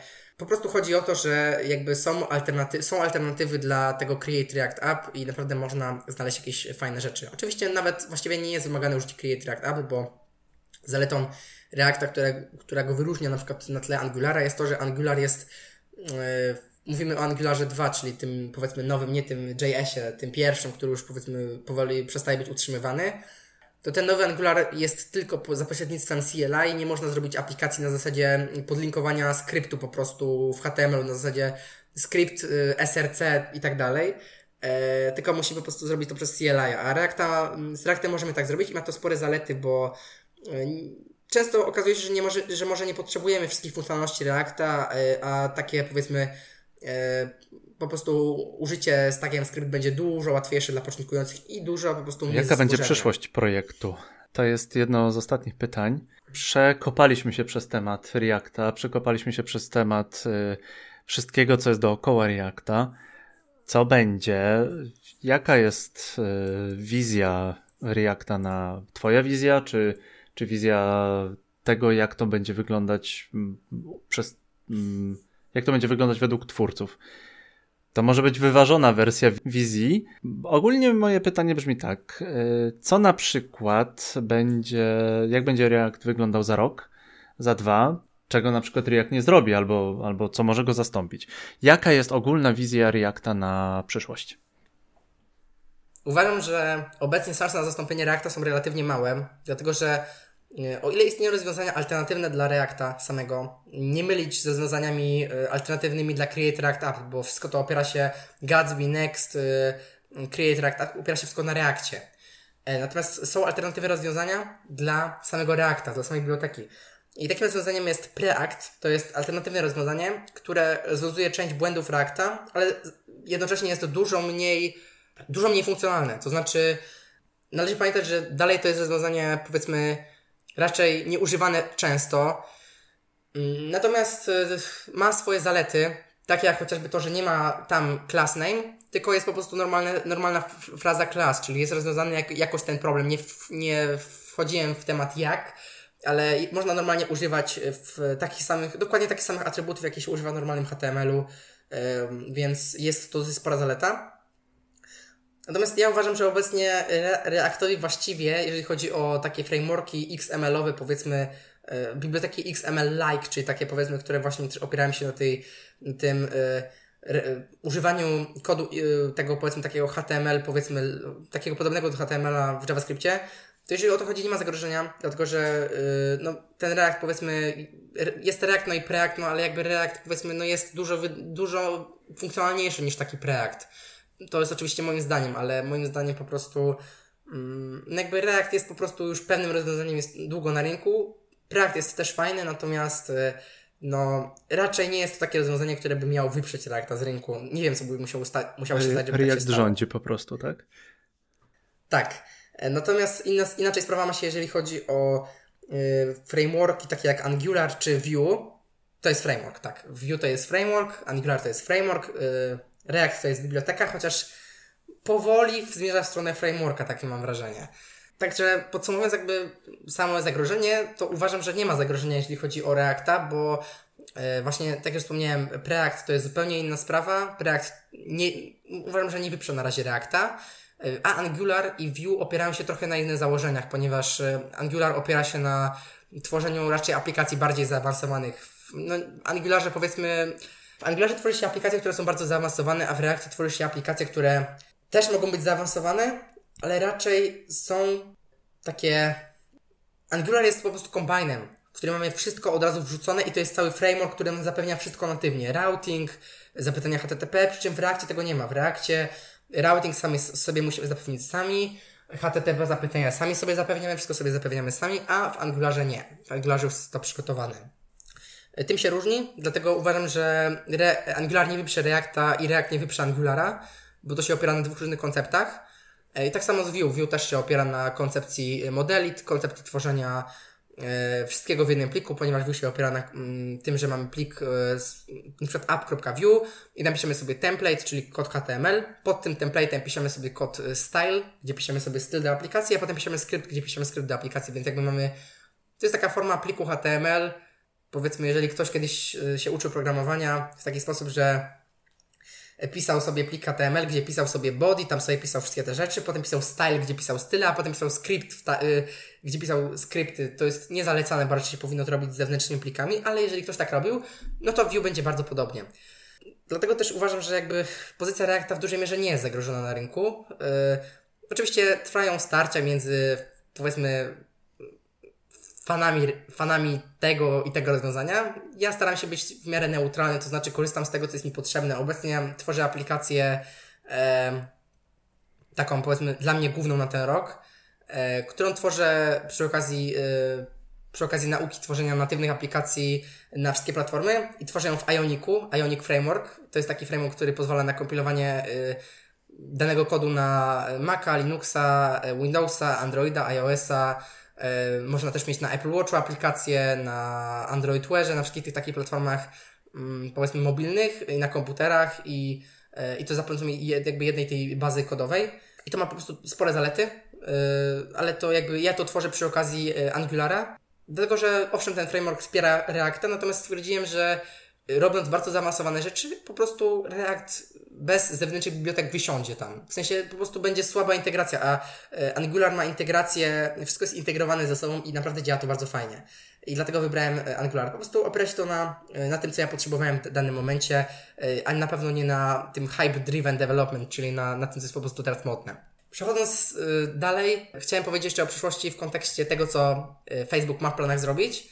To przede wszystkim rozwój architektury Flux, o czym już mówiłem wcześniej, E, I integracja tego z hooksami, właśnie. E, czym są hooksy, hooksy w Reakcie e, i kontekst API, bo to o te, też miałem o tym powiedzieć. Hooksy jest to nowy sposób napisania klas w Reakcie, który opiera się na pisaniu funkcji. Dlaczego powiedziałem, że React się, że żeby czasami zrobić krok do przodu, trzeba zrobić dwa kroki w tył? Otóż y, z tego powodu, że po prostu e, klasy to są pod spodem funkcje i teraz y, tak jak na początku pisaliśmy, na początku 2014 i tak dalej pisaliśmy sobie funkcje jako klasy w Reakcie, pisaliśmy sobie funkcje, function, function up na przykład, to się równa coś tam, coś tam i później się tam zwracało ten, tego JSX-a, ten kod HTML-owy. E, później przeszliśmy w 2016 roku, był boom na klasy, czyli pisaliśmy wszędzie klas, klas, klas, klas, klas i tak dalej. Tak teraz znowu Facebook zaczął przepisywać swój kod z klas, znaczy przepisywać, nadpisywać, bo Facebook mm, ze względu na jakby ilość komponentów, którymi dysponuje, starał się zrobić rozwiązanie, które będzie kompatybilne wstecznie i teraz nowe komponenty są pisane w fuksach, a stare są pisane, stare są zostawione tak jak były, ale nowe są już pisane w fuksach. E, I jakby hooksy zostały wprowadzone po to, te pisanie funkcji, pisanie klas za pomocą funkcji, Zostało wprowadzone z tego powodu, żeby tworzyć komponenty bardziej statelessowe. I to też ma związek z y, Reduxem i kontekst API, ponieważ w dużej mierze chodzi o to, że hooksy pozwalają na e, pisanie prostszego kodu i odseparowanie bardziej warstwy logicznej od warstwy wizualnej. I teraz przy hooksach zasadniczą różnicą jest to, że nie ma już czegoś takiego jak state, nie ma czegoś takiego jak render, tylko piszemy sobie funkcję, która używa hooksów hook Reakcie to jest po prostu funkcja, która zastępuje jakąś funkcjonalność znaną poprzednio z klas. Czyli tak jak w poprzednio w klasach w Reakcie stosowano this state, był to dostępny obiekt y, y, globalnie, tak teraz używa się y, use state, tak to się nazywa ten hook. I use state przyjmuje argument początkowy stanu, danego stanu, przedpiszemy sobie const, nie wiem, counter value, czyli ten wartość licznika, e, równa się react use state i podajemy sobie na przykład 0, czyli 0 będzie e, taką wstępną wartością dla counter value. E, i ten use state zwraca tablicę, która zawiera po pierwsze ten, te, tą wartość, a po drugie zawiera obiekt do zmiany tej wartości, czyli na przykład deklaracja, deklaracja właściwości, porównanie takie, deklaracja jeśli chodzi o stan wartości counter value to będzie e, przy okazji zwykłego Reacta e, z klasą taką starą this.state równa się counter, obiekt counter value dwukropek na przykład 0, Tak, przy okazji hooksów to będzie const, y, jakby nawiasy takie kwadratowe, ponieważ to jest array destructuring, to jest nowa funkcja z ES6, to taki nowy jakby syntaks, który nam po prostu zwraca obiekty z tablicy. I, I w tym momencie będzie po prostu const i te, te kwadratowe po prostu nawiasy. I pierwszą wartością będzie ten value, y, ten counter value, przecinek, drugą wartością będzie funkcja, którą ustawiamy tą counter value, czyli na przykład set counter value. I teraz zaletą używania takiego use state'a jest to, że możemy E, przy okazji normalnego reakta nie możemy tworzyć kilkunastu stanów naraz. Jest, każdy komponent ma jeden stan. Możemy tworzyć, e, możemy mieć e, stan w aplikacji w Hooksie złożony z 12 różnych pojedynczych stanów, czyli możemy mieć stan counter value, is clicked na przykład, czy przycisk został kliknięty, input value i tak dalej. I wszystkie te stany są od siebie niezależne, czyli żeby update'ować te konkretne stany, nie trzeba e, update'ować całego stanu, obiektu stanu, tak jak w Reakcie, tylko wystarczy update'ować po prostu e, pojedynczą właściwość po prostu z tego hooksa. To też ma, to też pozwala nam na używanie później reducerów i właśnie teraz zasadniczym celem Facebooka jest e, tworzenie rozwiązań opartych właśnie na tym use, use reducer, use context, kon, czyli to do context API, to zaraz o tym będzie, use state i tak dalej. Natomiast wtedy jakby nie deklarujemy propsów w taki sam sposób. Propsy trochę inaczej de deklarujemy, ale bardzo podobnie, bo propsy po prostu podajemy, tak jak w klasach podawaliśmy to w konstruktorze, tak przy okazji, gdy używamy hooksów, deklarujemy to jako argument funkcji. Propsy. Hooksy są fajne, natomiast hooksy powodują dużo problemów. Wiele z nich opisuje Dan Abramow na swoim blogu e, Overreacted. Myślę, że też podlinkujemy. Jednym z problemów jest to, że przy każdym y, reloadzie y, hook, y, załóżmy, że mamy sobie mm, powiedzmy aplikację Pomodoro i mamy taką funkcję, że jeżeli klikniemy na przycisk, to zacznie się interwał, czyli używamy funkcji set interval. I w tym momencie nie wyjdzie to, dlatego że hook jest update'owany cały czas, aktualizowany cały czas i renderowany cały czas z tymi wartościami i React przy każdym renderowaniu będzie tracił y, ID, ponieważ jeżeli tworzymy interwał, to ten obiekt, y, ta funkcja zwraca nam po prostu y, ID, które później używamy, by ten interwał, zak interwał zakończyć. I teraz y, przez to, że się re-renderuje cały czas komponent, to y, cały czas stracone jest to ID i cały czas jakby zaczynany, zaczynany jest ten y, interwał, na nowo. Y, Dan Abramow tam opisuje na swoim blogu, tam w, ten wpis się nazywa Making Declarative y, Set Interval Calls in Hooks, tym poście wyjaśnia, co trzeba zrobić, żeby móc takie rzeczy robić. I, i to trochę utrudnia życie. I dlatego generalnie takie problemy trochę utrudniają życie.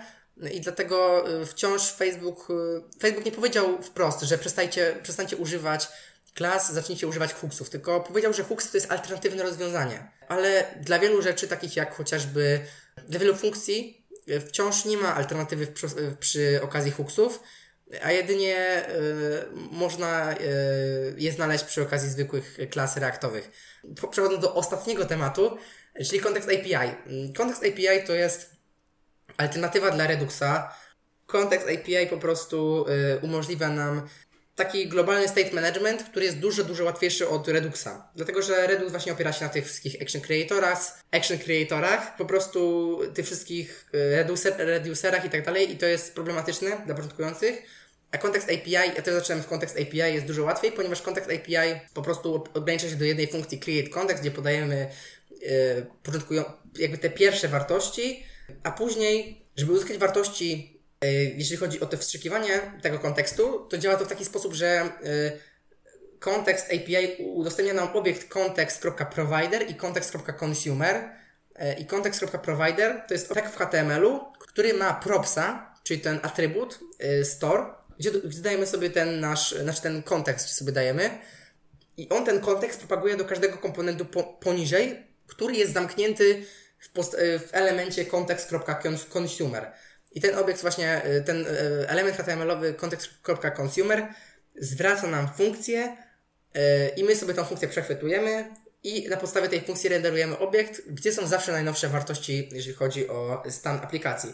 A jeżeli chodzi o aktualizowanie stanu, to nie potrzebujemy żadnych dispatcherów, tylko po prostu ten obiekt kontekst, który dodajemy sobie do y, context provider, y, do tego elementu HTML, po prostu ten obiekt sobie aktualizujemy, ten pojedynczy kontekst i ten pojedynczy kontekst, ten właśnie obiekt, który dajemy sobie do atrybutu kontekst w elemencie context.provider jest po prostu hookiem i jest stworzony na podstawie właśnie use state, czyli po prostu mamy sobie const, jakiś tam obiekt kontekst, przecinek set context, to się równa react.useState, a w argumencie podajemy react use context. Y, to jest taka funkcja, która zwraca nam y, wartość danego kontekstu. Y, I teraz, ilekroć będziemy chcieli zmienić cały stan aplikacji, to, to tylekroć będziemy po prostu musieli użyć funkcji set context.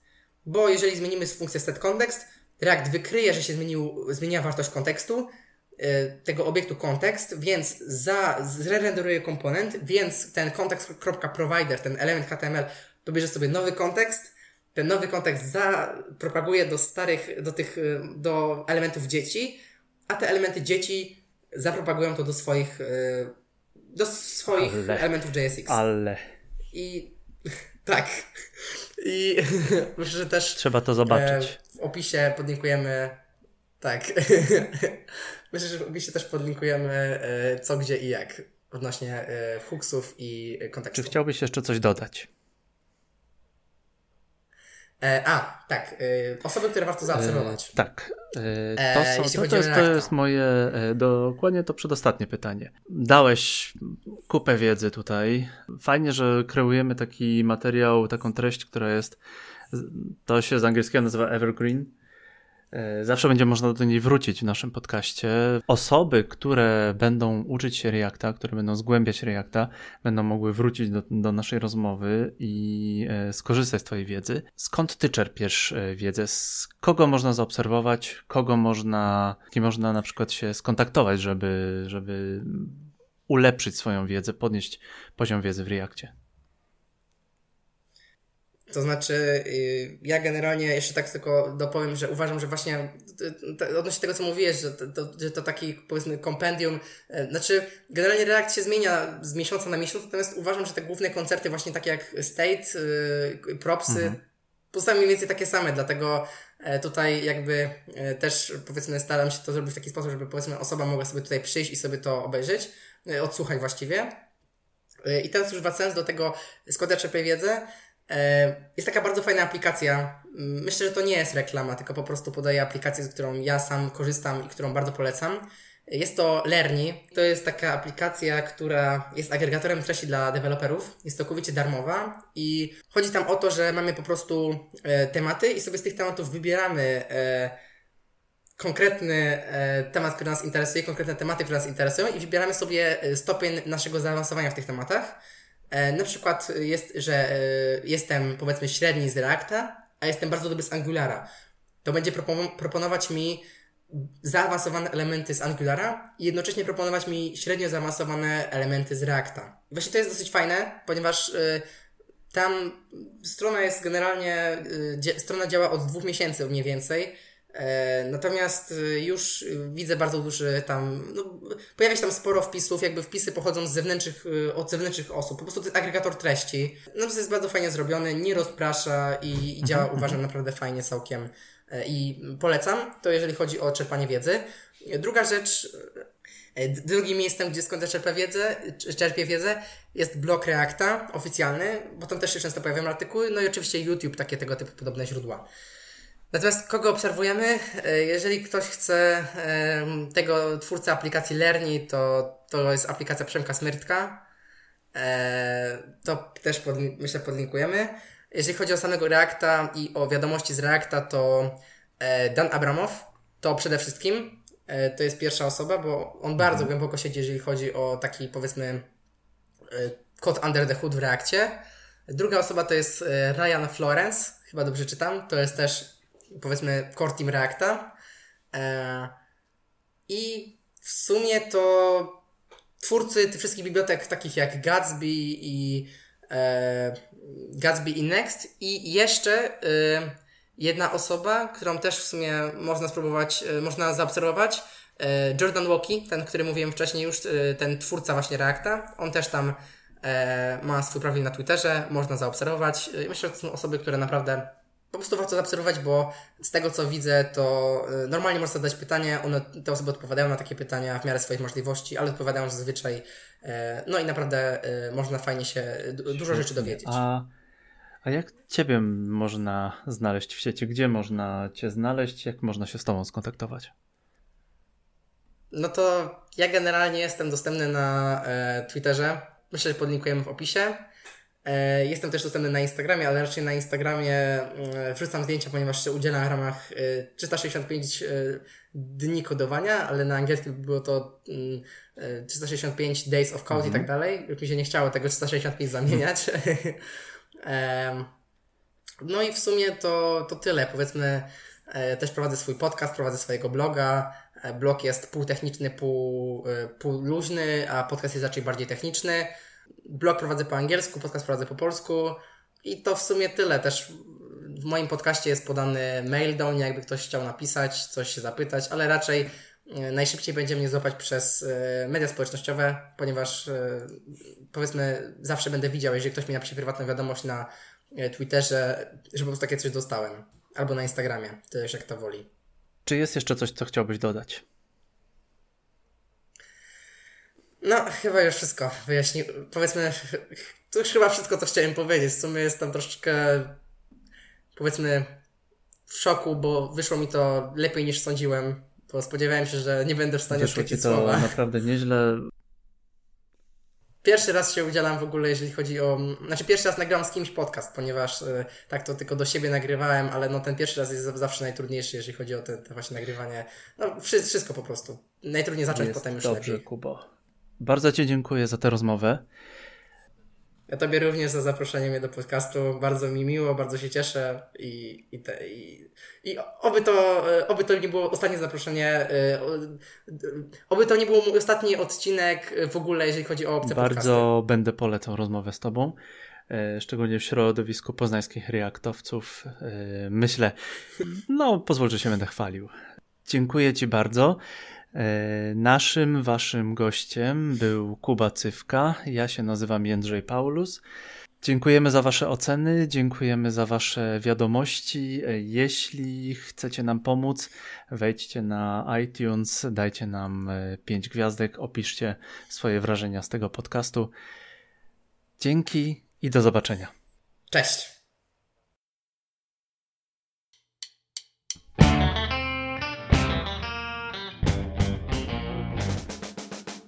Dziękujemy, że byłeś z nami. Zachęcamy do zadawania pytań oraz do komentowania. Jesteśmy dostępni w iTunes, Spotify, Google, na YouTube oraz wielu aplikacjach podcastowych. Jeśli podoba Ci się nasza praca i chcesz nas wesprzeć, będziemy wdzięczni za 5 gwiazdek w iTunes, udostępnienie nagrania albo powiedzenie o nas swoim znajomym. Do usłyszenia w następnym odcinku. Cześć!